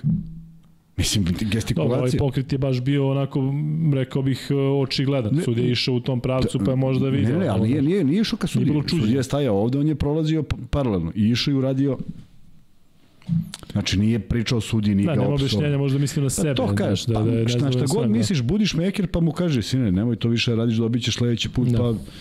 Tako da mi je to onako bez veze, a što se učinka tiče, znamo sve o Lazareviću, znamo u čemu je dobar, znamo u čemu je loš, znamo da je bila utakmica da je vadio neke kestenje iz vatre sa nekim skokovima u napadu i vraćao ih u koš. Tako da radi se o dečku koji kojem je ovo prva, prva sezona Euroligi.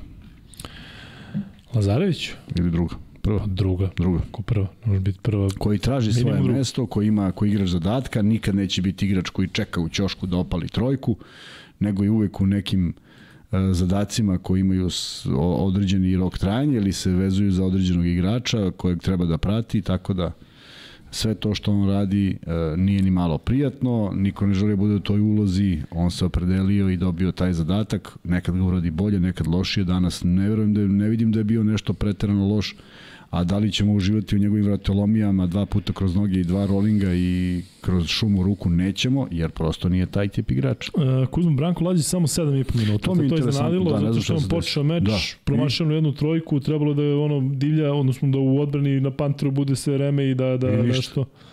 Da. Možda ima neko objašnjenje, možda, nije, možda. nije ništa uradio za to vreme. Meni je to čudno, zato što ako, ako se sve svodi na to da je Panter u tom periodu dao 7 poena ili 8 poena, Ovaj, pa dobro, nije strašno, mislim, nije, nije kraj sveta, tako da jeste bilo interesantno, ali možda postoji još jedna vrlo bitna stvar. Sad gledaj ovo. Panter je imao dva penala. I vrlo verovatno da Laz, sa Lazićem u petorci Panter čuva Lazića. I mnogo mu je olakšano čuvanje. Ako ima tri Jeste. napadača, od kojih jedan Dobrić koji će da ubaci u problem Pantera ili će da bude, ne znam, Kampaco, mora ne može da bude na četvrtom, mora da bude na tri beka, onda je možda pokušali su možda s tako nečim. Vidjet ćemo, dosta karata je sad otvoreno i mogu da analiziraju i verovatno i jedan i drugi trener sede i njihovi timovi seku sve što treba da seku za preksutra, tako da vidjet ćemo reakcije i da li će ih biti ko, ko ih im bude više imao, bit će bliži pobedi.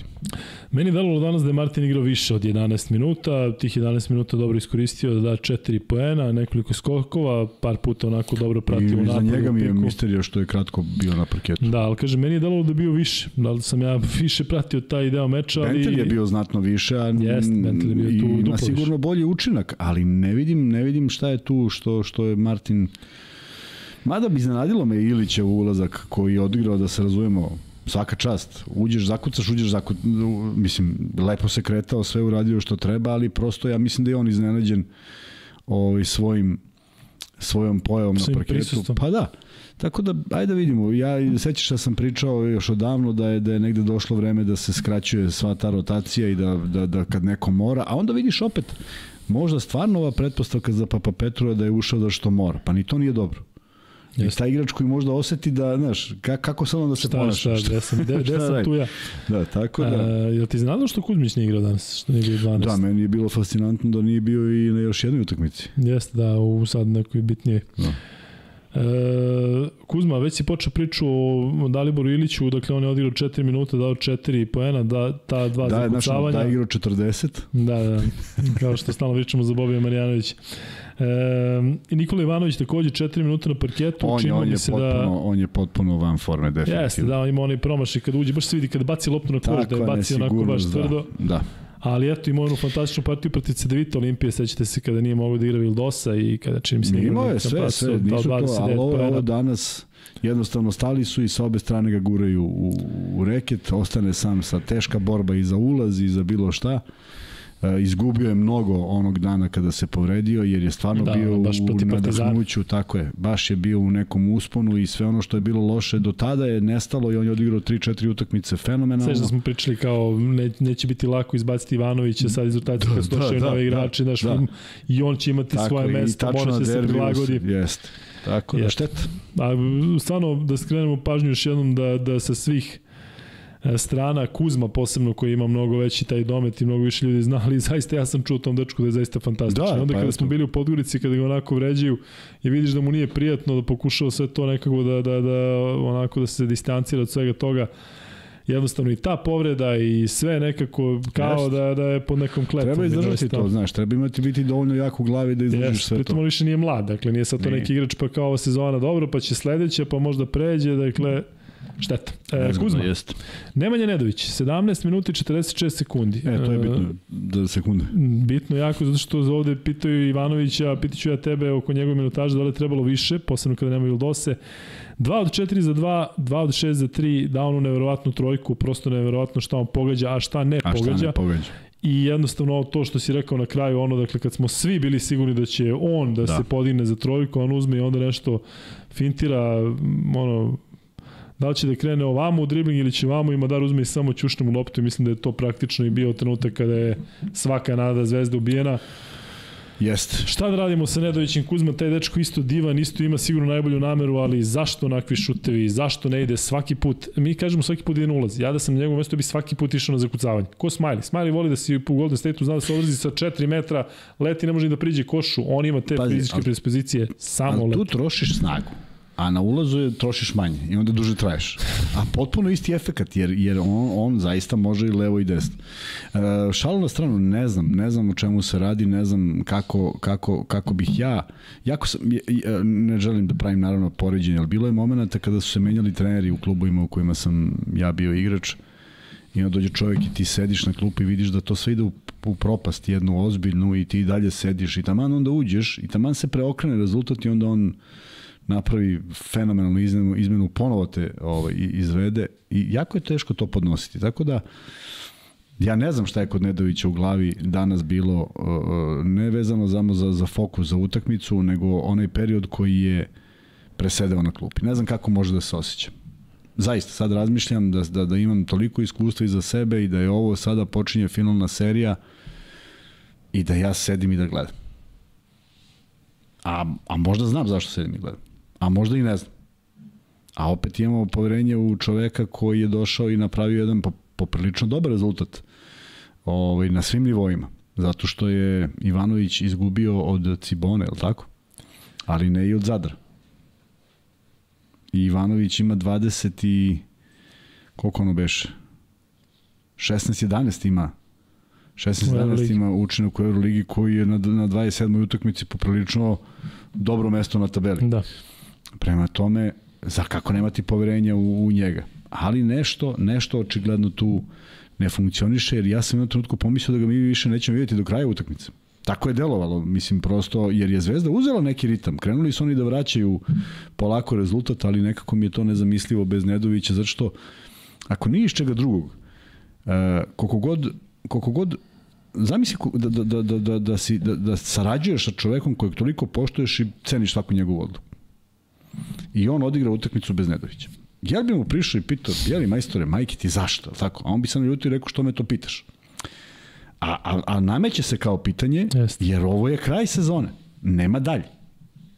Da, da. I onda imaš jednu, jednu onu drugu postavku koju pragmatični treneri koriste kada više nema, kada, kada možda nema gde i kažu igram sa pet najskupljih. Ili ovo igra sa pet najstarijih. Ili igra sa pet nečega. Ali izabere neku formulu zbog čega su oni na parketu. Pa kaže, ginem sa njima, Ako poginem, poginem sa najskupljima, tako? I to ima nekog smisla, ne kao sad prodome 12 igrača u ekipi. Ja, i to je...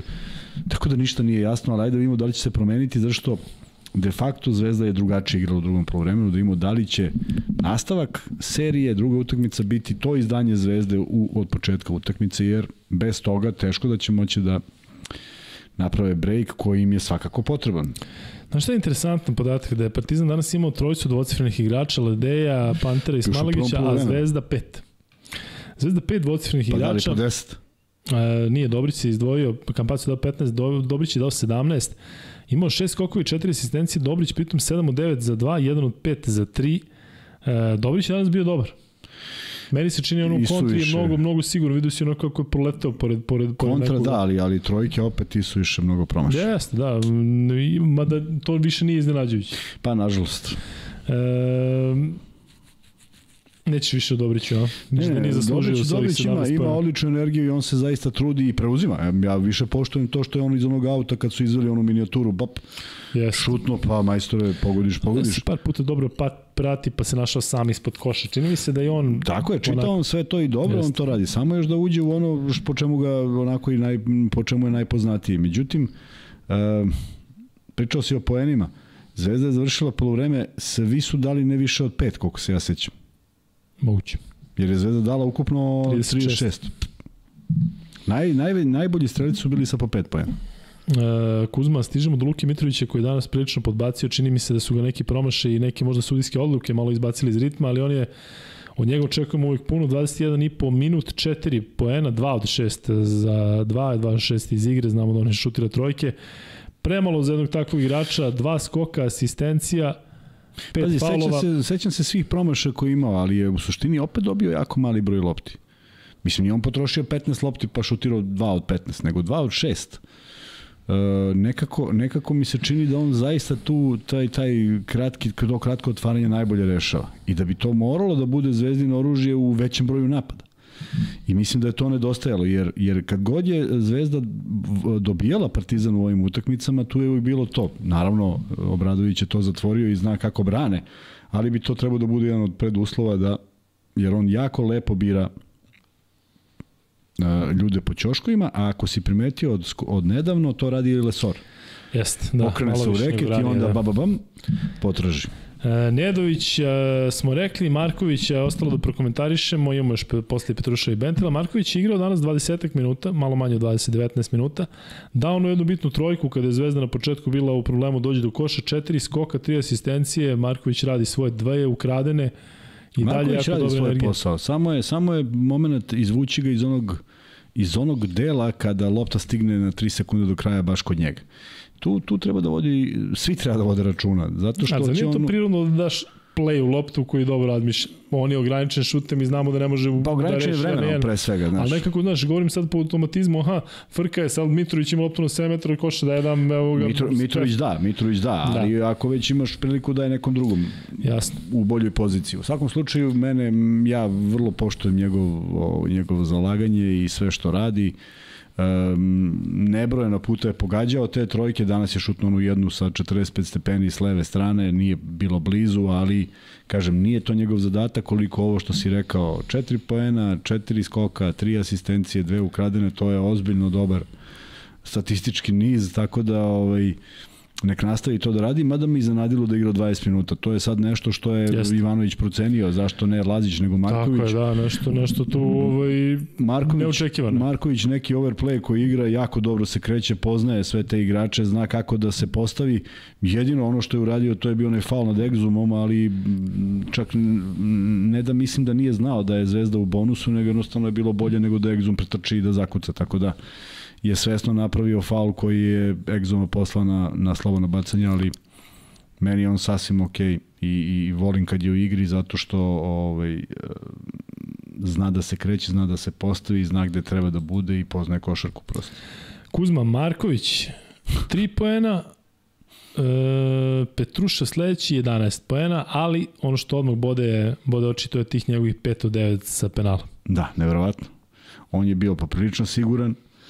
Jesu i prozivke sa tribine, ja ne kažem da je lako, apsolutno Ne, nije, naravno lako, da nije lako, ali je. jednostavno valjda je to ono, valjda sad ću da vam pokažem pa ću da ubacim. E, šteta, šteta zato što je ušao u meč i pokazao odmah da, da želi da se nadmeće i ne, nisam primetio da je ustuknuo, Da. da. ali kažem, ostaje mi u sećanju ta trojka Ledeja koja je na njegovo konto i onda se setiš svih onih trojki koje su pale u ovoj sezoni, te stvari moraju da se isprave.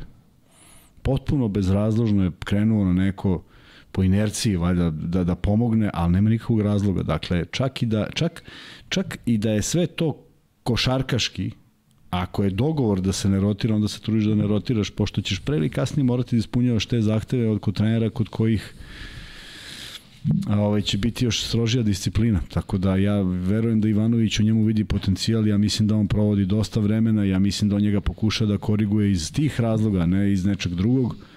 I voleo bi da, na primer, onu trojku koju je šutno u bunarče, da, da, da eto, ovaj, Izbaci u aut. ne, ne, kao, znaš, kao isp, bolje mu ispadne. Ne, teo sam kažem, i, ja potpisujem da je on samo podigao loptu i stavio na čelo da bi Lesor izleteo, već se čovjek od, odrazio sa jedne noge.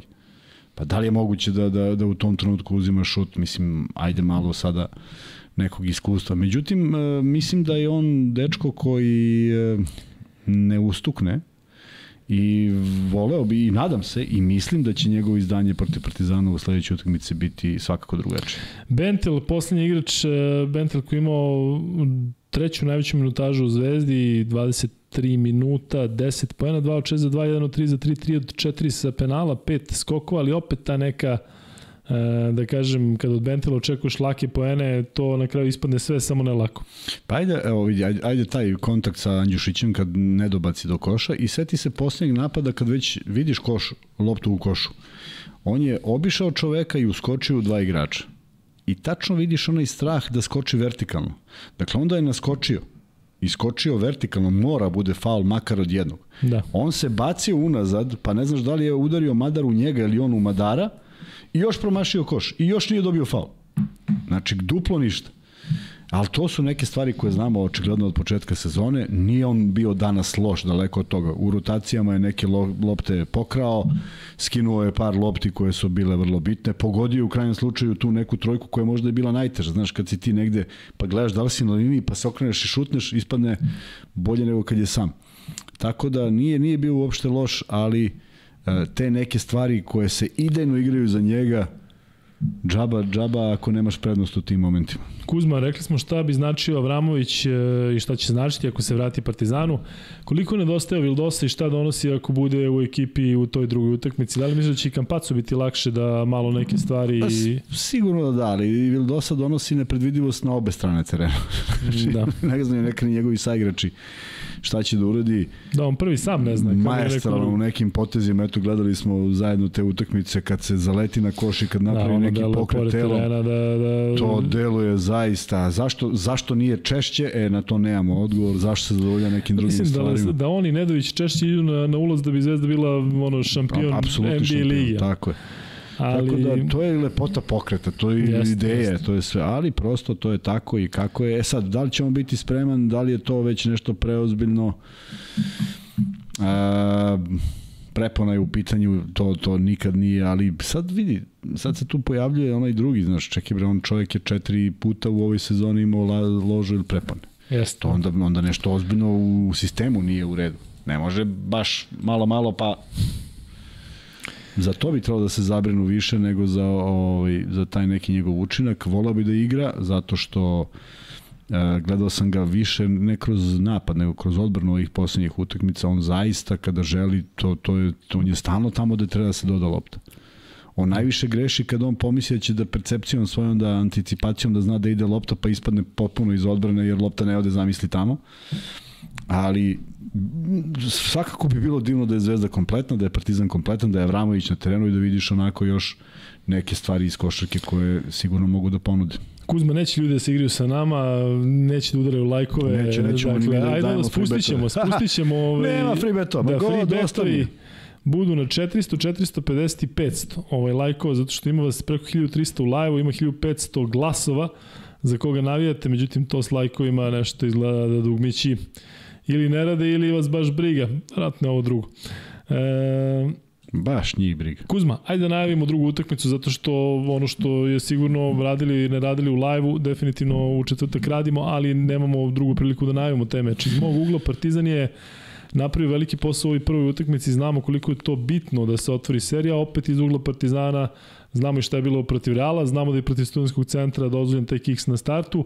Ako Partizan dobije drugu utakmicu, čini mi se da je to već onako ozbiljno završen posao, zato što onda bilo kakav imperativ pritisak na gostovanju protiv Zvezde nije potrebno, dakle znaš da imaš meč loptu u petom meču opet pred svojim navijačima i onda iz te igre može Partizan sigurno da, da, da uradi mnogo. Što se tiče Zvezde, rekao bih da je, da je utakmica biti ili ne biti, mislim da mnogo zavisi od Vildose zbog te neke energije koju donosi uh, u ekipu, vidjet ćemo da li će biti spreman za taj drugi meč, ali eto taj, da kažem, samouverenost i sigurnost uh, Ivanovića sigurno da možda pokazuje, verujem da to prenosi se na igrače, dakle danas smo igli slabije, ništa nije izgubljeno, idemo da dobijemo taj drugi meč, šta očekuješ ti? Tako, ja, ja očekujem reakciju Zvezde, ne znam da li će biti dovoljno da se pobedi e, Partizan, ali e, pokušavam da sagledam ovu utakmicu na jedan način e, ko, čega smo svedoci u samo jednoj utakmici. Jedan fantastičan procenat šuta i onda jedan ni malo dobar procenat šuta u istoj utakmici, u istom danu, samo nekih pola sata kasnije. E, Partizan je dosta toga bacio baš iz razloga što je lepo otvorio utakmicu na to, moraće nešto da menjaju i zato i verujem da neće bazirati sve na šutu, nego će morati da bude i unutrašnje igre znatno više nego što je bilo. Mada je unutrašnja igra ta koja je dozvolila Partizanu da, da, da, da, da odigra. E, Smajlagić je uglavnom rešavao iznutra. E, pas, pasovi Lesoru su bili ispod reketa. Sve se nešto ipak dešavalo unutar reketa gde je Zvezda izgubila neki fokus neobjašnjivo ovaj, u tom segmentu gde bi trebalo da bude jača. Tako da Partizan mora da ponovi ne šutarsko veče, nego da bude još kon, kon, kon, konstantniji e, tokom cele utakmice, a Zvezda mora da odigra prvo i drugo polovreme sledeće utakmice kao drugo ove, zato što je to 32, je tako, 32 poena Partizana. To je ozbiljno dobra defanziva i ozbiljno dobar napor da jedan Partizan se svede na taj broj poena, na to mogu apsolutno da budu ponosni, ali tih 20, 20 poena prednosti koje je Partizan ostvario, ako dozvole ponovo nemaju šta da traže ni u jednoj, ne u drugoj, nego ni u jednoj utakmici. E, da li bi to bilo dovoljno i da li se sve onda vraća, prebacuje na zvezdu? Da, ali svedoci smo da su i prethodne serije uvek išle vrlo slično. Jeste. Tako da. da ništa ne bih ja prepuštao slučaju u smislu da je sad nešto gotovo ili nije. E, mnogo više Zvezda dobija brejkom nego Partizan drugom pobedom i to Zvezdi treba da bude jasno, kao što i u obratnom slučaju. Tako da ajde da vidimo šta ćemo vidjeti i da imamo da li ćemo gledati Zvezdu koja je drugačija ili ovakva kao u drugom polovremenu, a da li ćemo vidjeti Partizan koji ipak može da ponudi više nego što je ponudio u prvom polovremenu. U prvom polovremenu je ponudio fantastičan šut, I ovo što si pročitao kao završnu statistiku u svim segmentima su bili loši. Nije Partizan ekipa da. koja treba bude lošija u tim segmentima, to svakako. Tako da, da, kada bi ja, kada bi mene neko pitao šta bi, ja bih rekao ajde da poboljšamo ovo, ovo sve do kraja, pa neka smanjimo šut za 10-12% E, preciznosti, ali onda to negde potpuno drugačiju sliku daje. Kuzma, šta taktički može da se promeni u tako kratkom periodu između timova koji su u završnici sezoni i koliko se i toliko se dobro poznaju, ali tu može da bude nekih iznenađenja sada u četvrtak ili, ili jednostavno se svodi na ono najosnovnije daj da pogodimo šut, daj da, da ne grešimo toliko, nego sada da to svodi bude neke na raciju, Svodi se na raciju, svodi se na fokus, svodi se da, da ne divljaš u krajnjem slučaju, ali se svodi i na to da si danas video vrlo neke interesantne rotacije u zvezdinoj odbrani, video si onda neka neki taj levak zamišljeni koji koriste igrače Partizana. Dakle, to će biti neke, neki segmenti koji će se malo modifikovati da bi zbunio protivnika. Sumnjam da će jedna od dve ekipe da ulazi u neku zonu. Zaista mislim da je kratak period, mada i Zvezda imala period, pa posle i Partizan imao period u kojem bi mogao da, da isproba tako nešto, ali mislim da manje više ovo što smo gledali možda se ubaci neka nova akcija za, za sutra, prek sutra. Međutim, evo, pogledaj i sam broj asistencija Partizana, koliko je to iz nekih individualnih akcija. Pitanje je da oni treba nešto stvarno da promene fundamentalno u svojim kretnjama.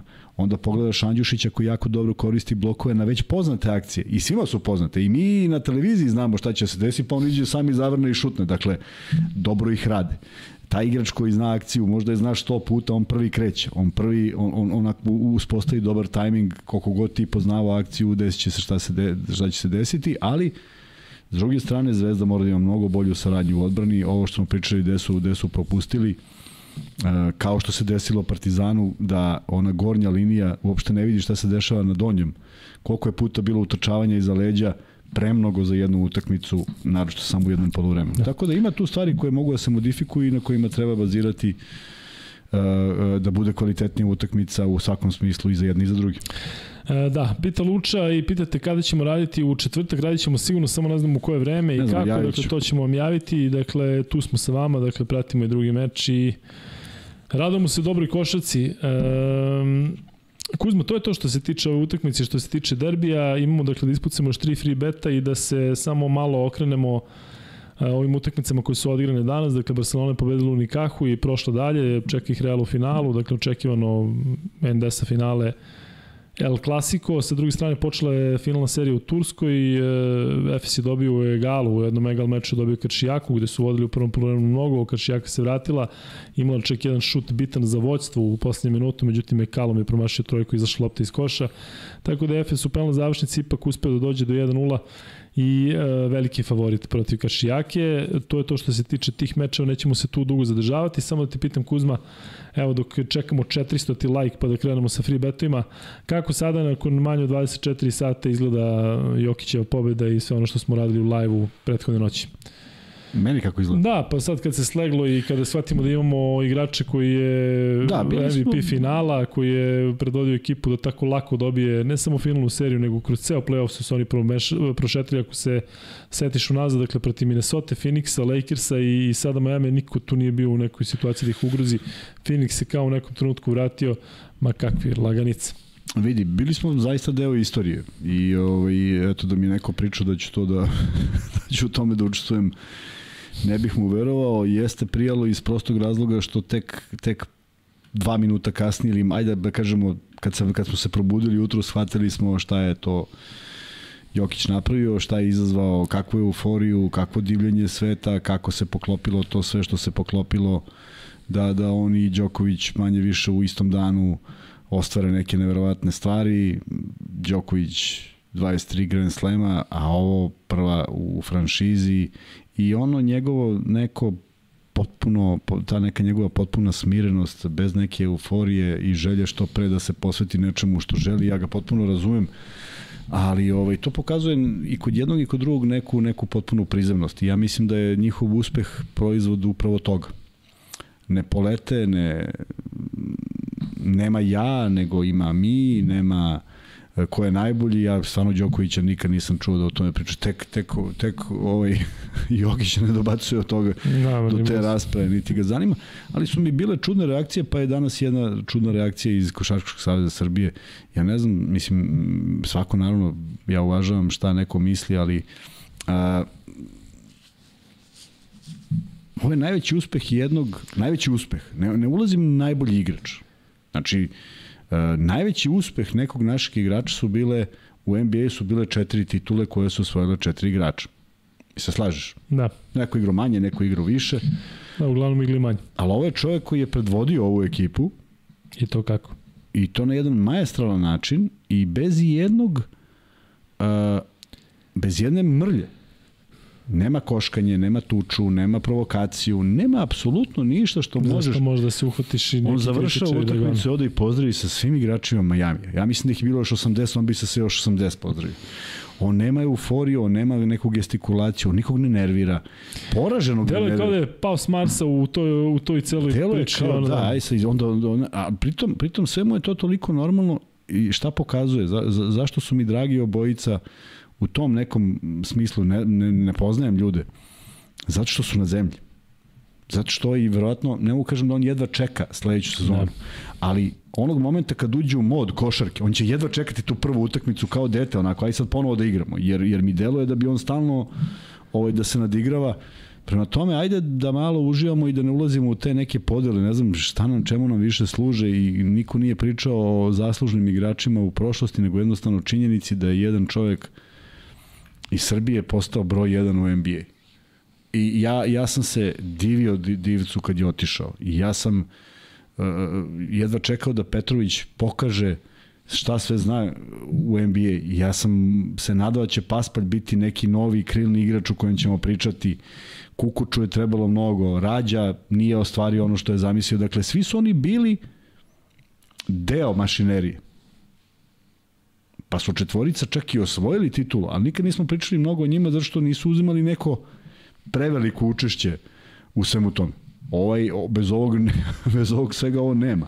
E onda ga stvarno izdvaja i svega što smo do sada radili e, i gledali u košarci i poredili, ne moramo da ga poredimo, samo jednostavno da konstatujemo da je u ovom trenutku jedan od najvećih igrača na planeti i da nema tu nešto mnogo zbora.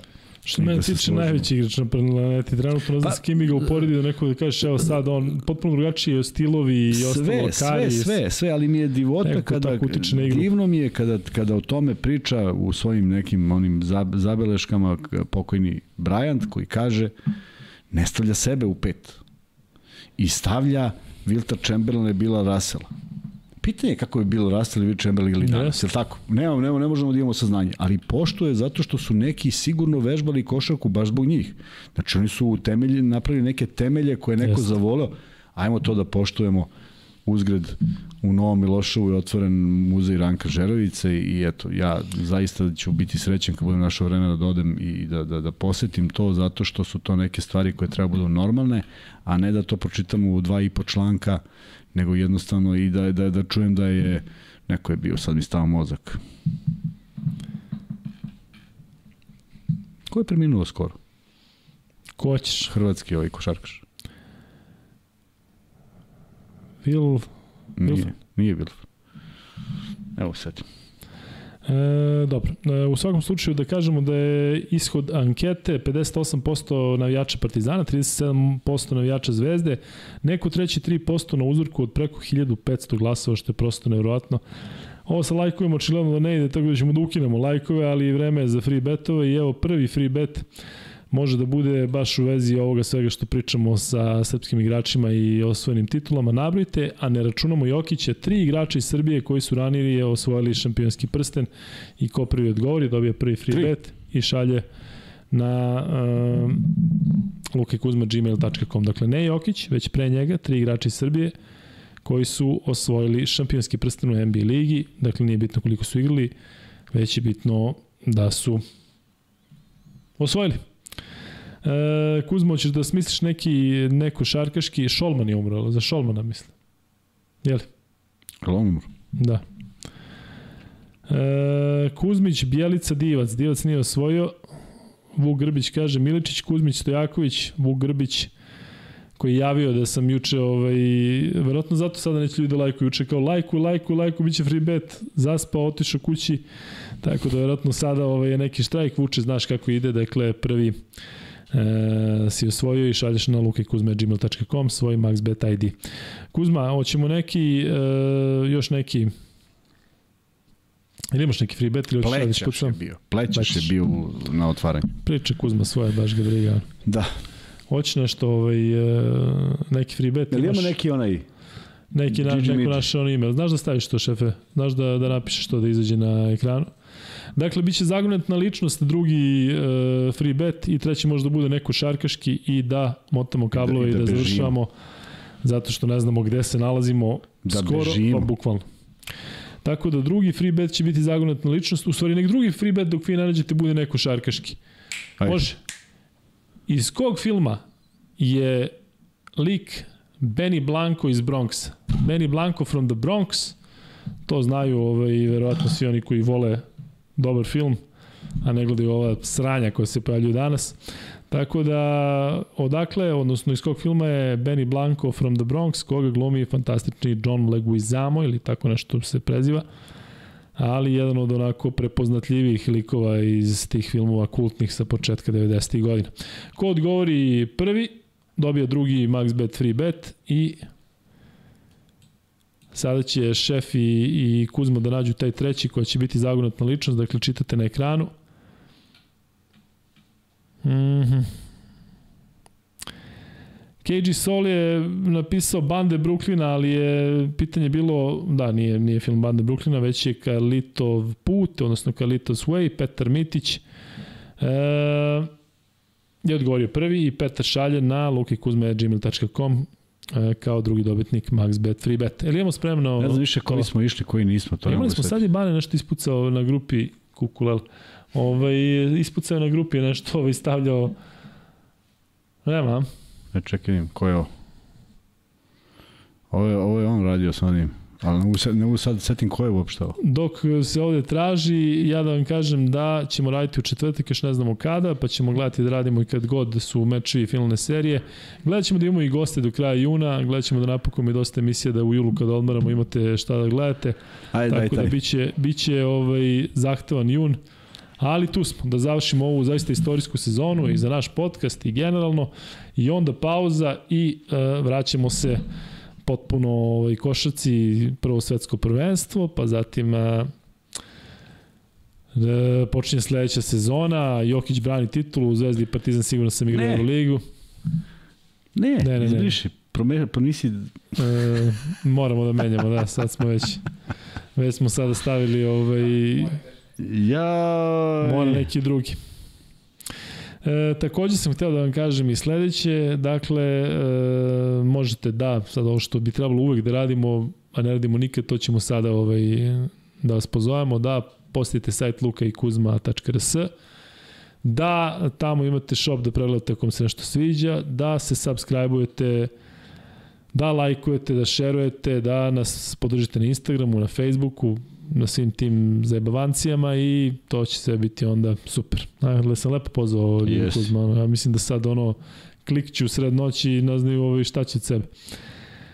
Momci ćete dati taj treći free bet ili da ovu šolju sebi ošinem u čelo pa da, da, da pošto već lagano gubim gubim reči. Čekaj mi ko je ovo. Čekajmo kako izgleda u podcastu kada se ništa ne priča.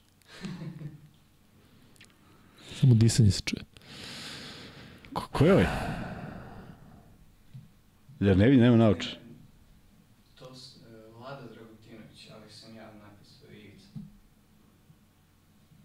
Da, Ivica, je- dobra je fora za Ivicu, A. samo mm, nije baš. Čekamo ne mogu- ne mogu- ne mogu da zagonu ništa, ne. Dobro. E, onda ćemo da završimo o, sa trećim free betom i nabrojite tri igrača čije dresove imamo u studiju. Da imamo koliko pratite scenografiju, a ne samo da slušate i da ne gledate. Dakle, tri dresa koje imamo u studiju, na desetine dresova smo prošli, a evo već, da, sakrio je, sad je, sad je, sad je, Miloš je sada sakrio ovaj kadar.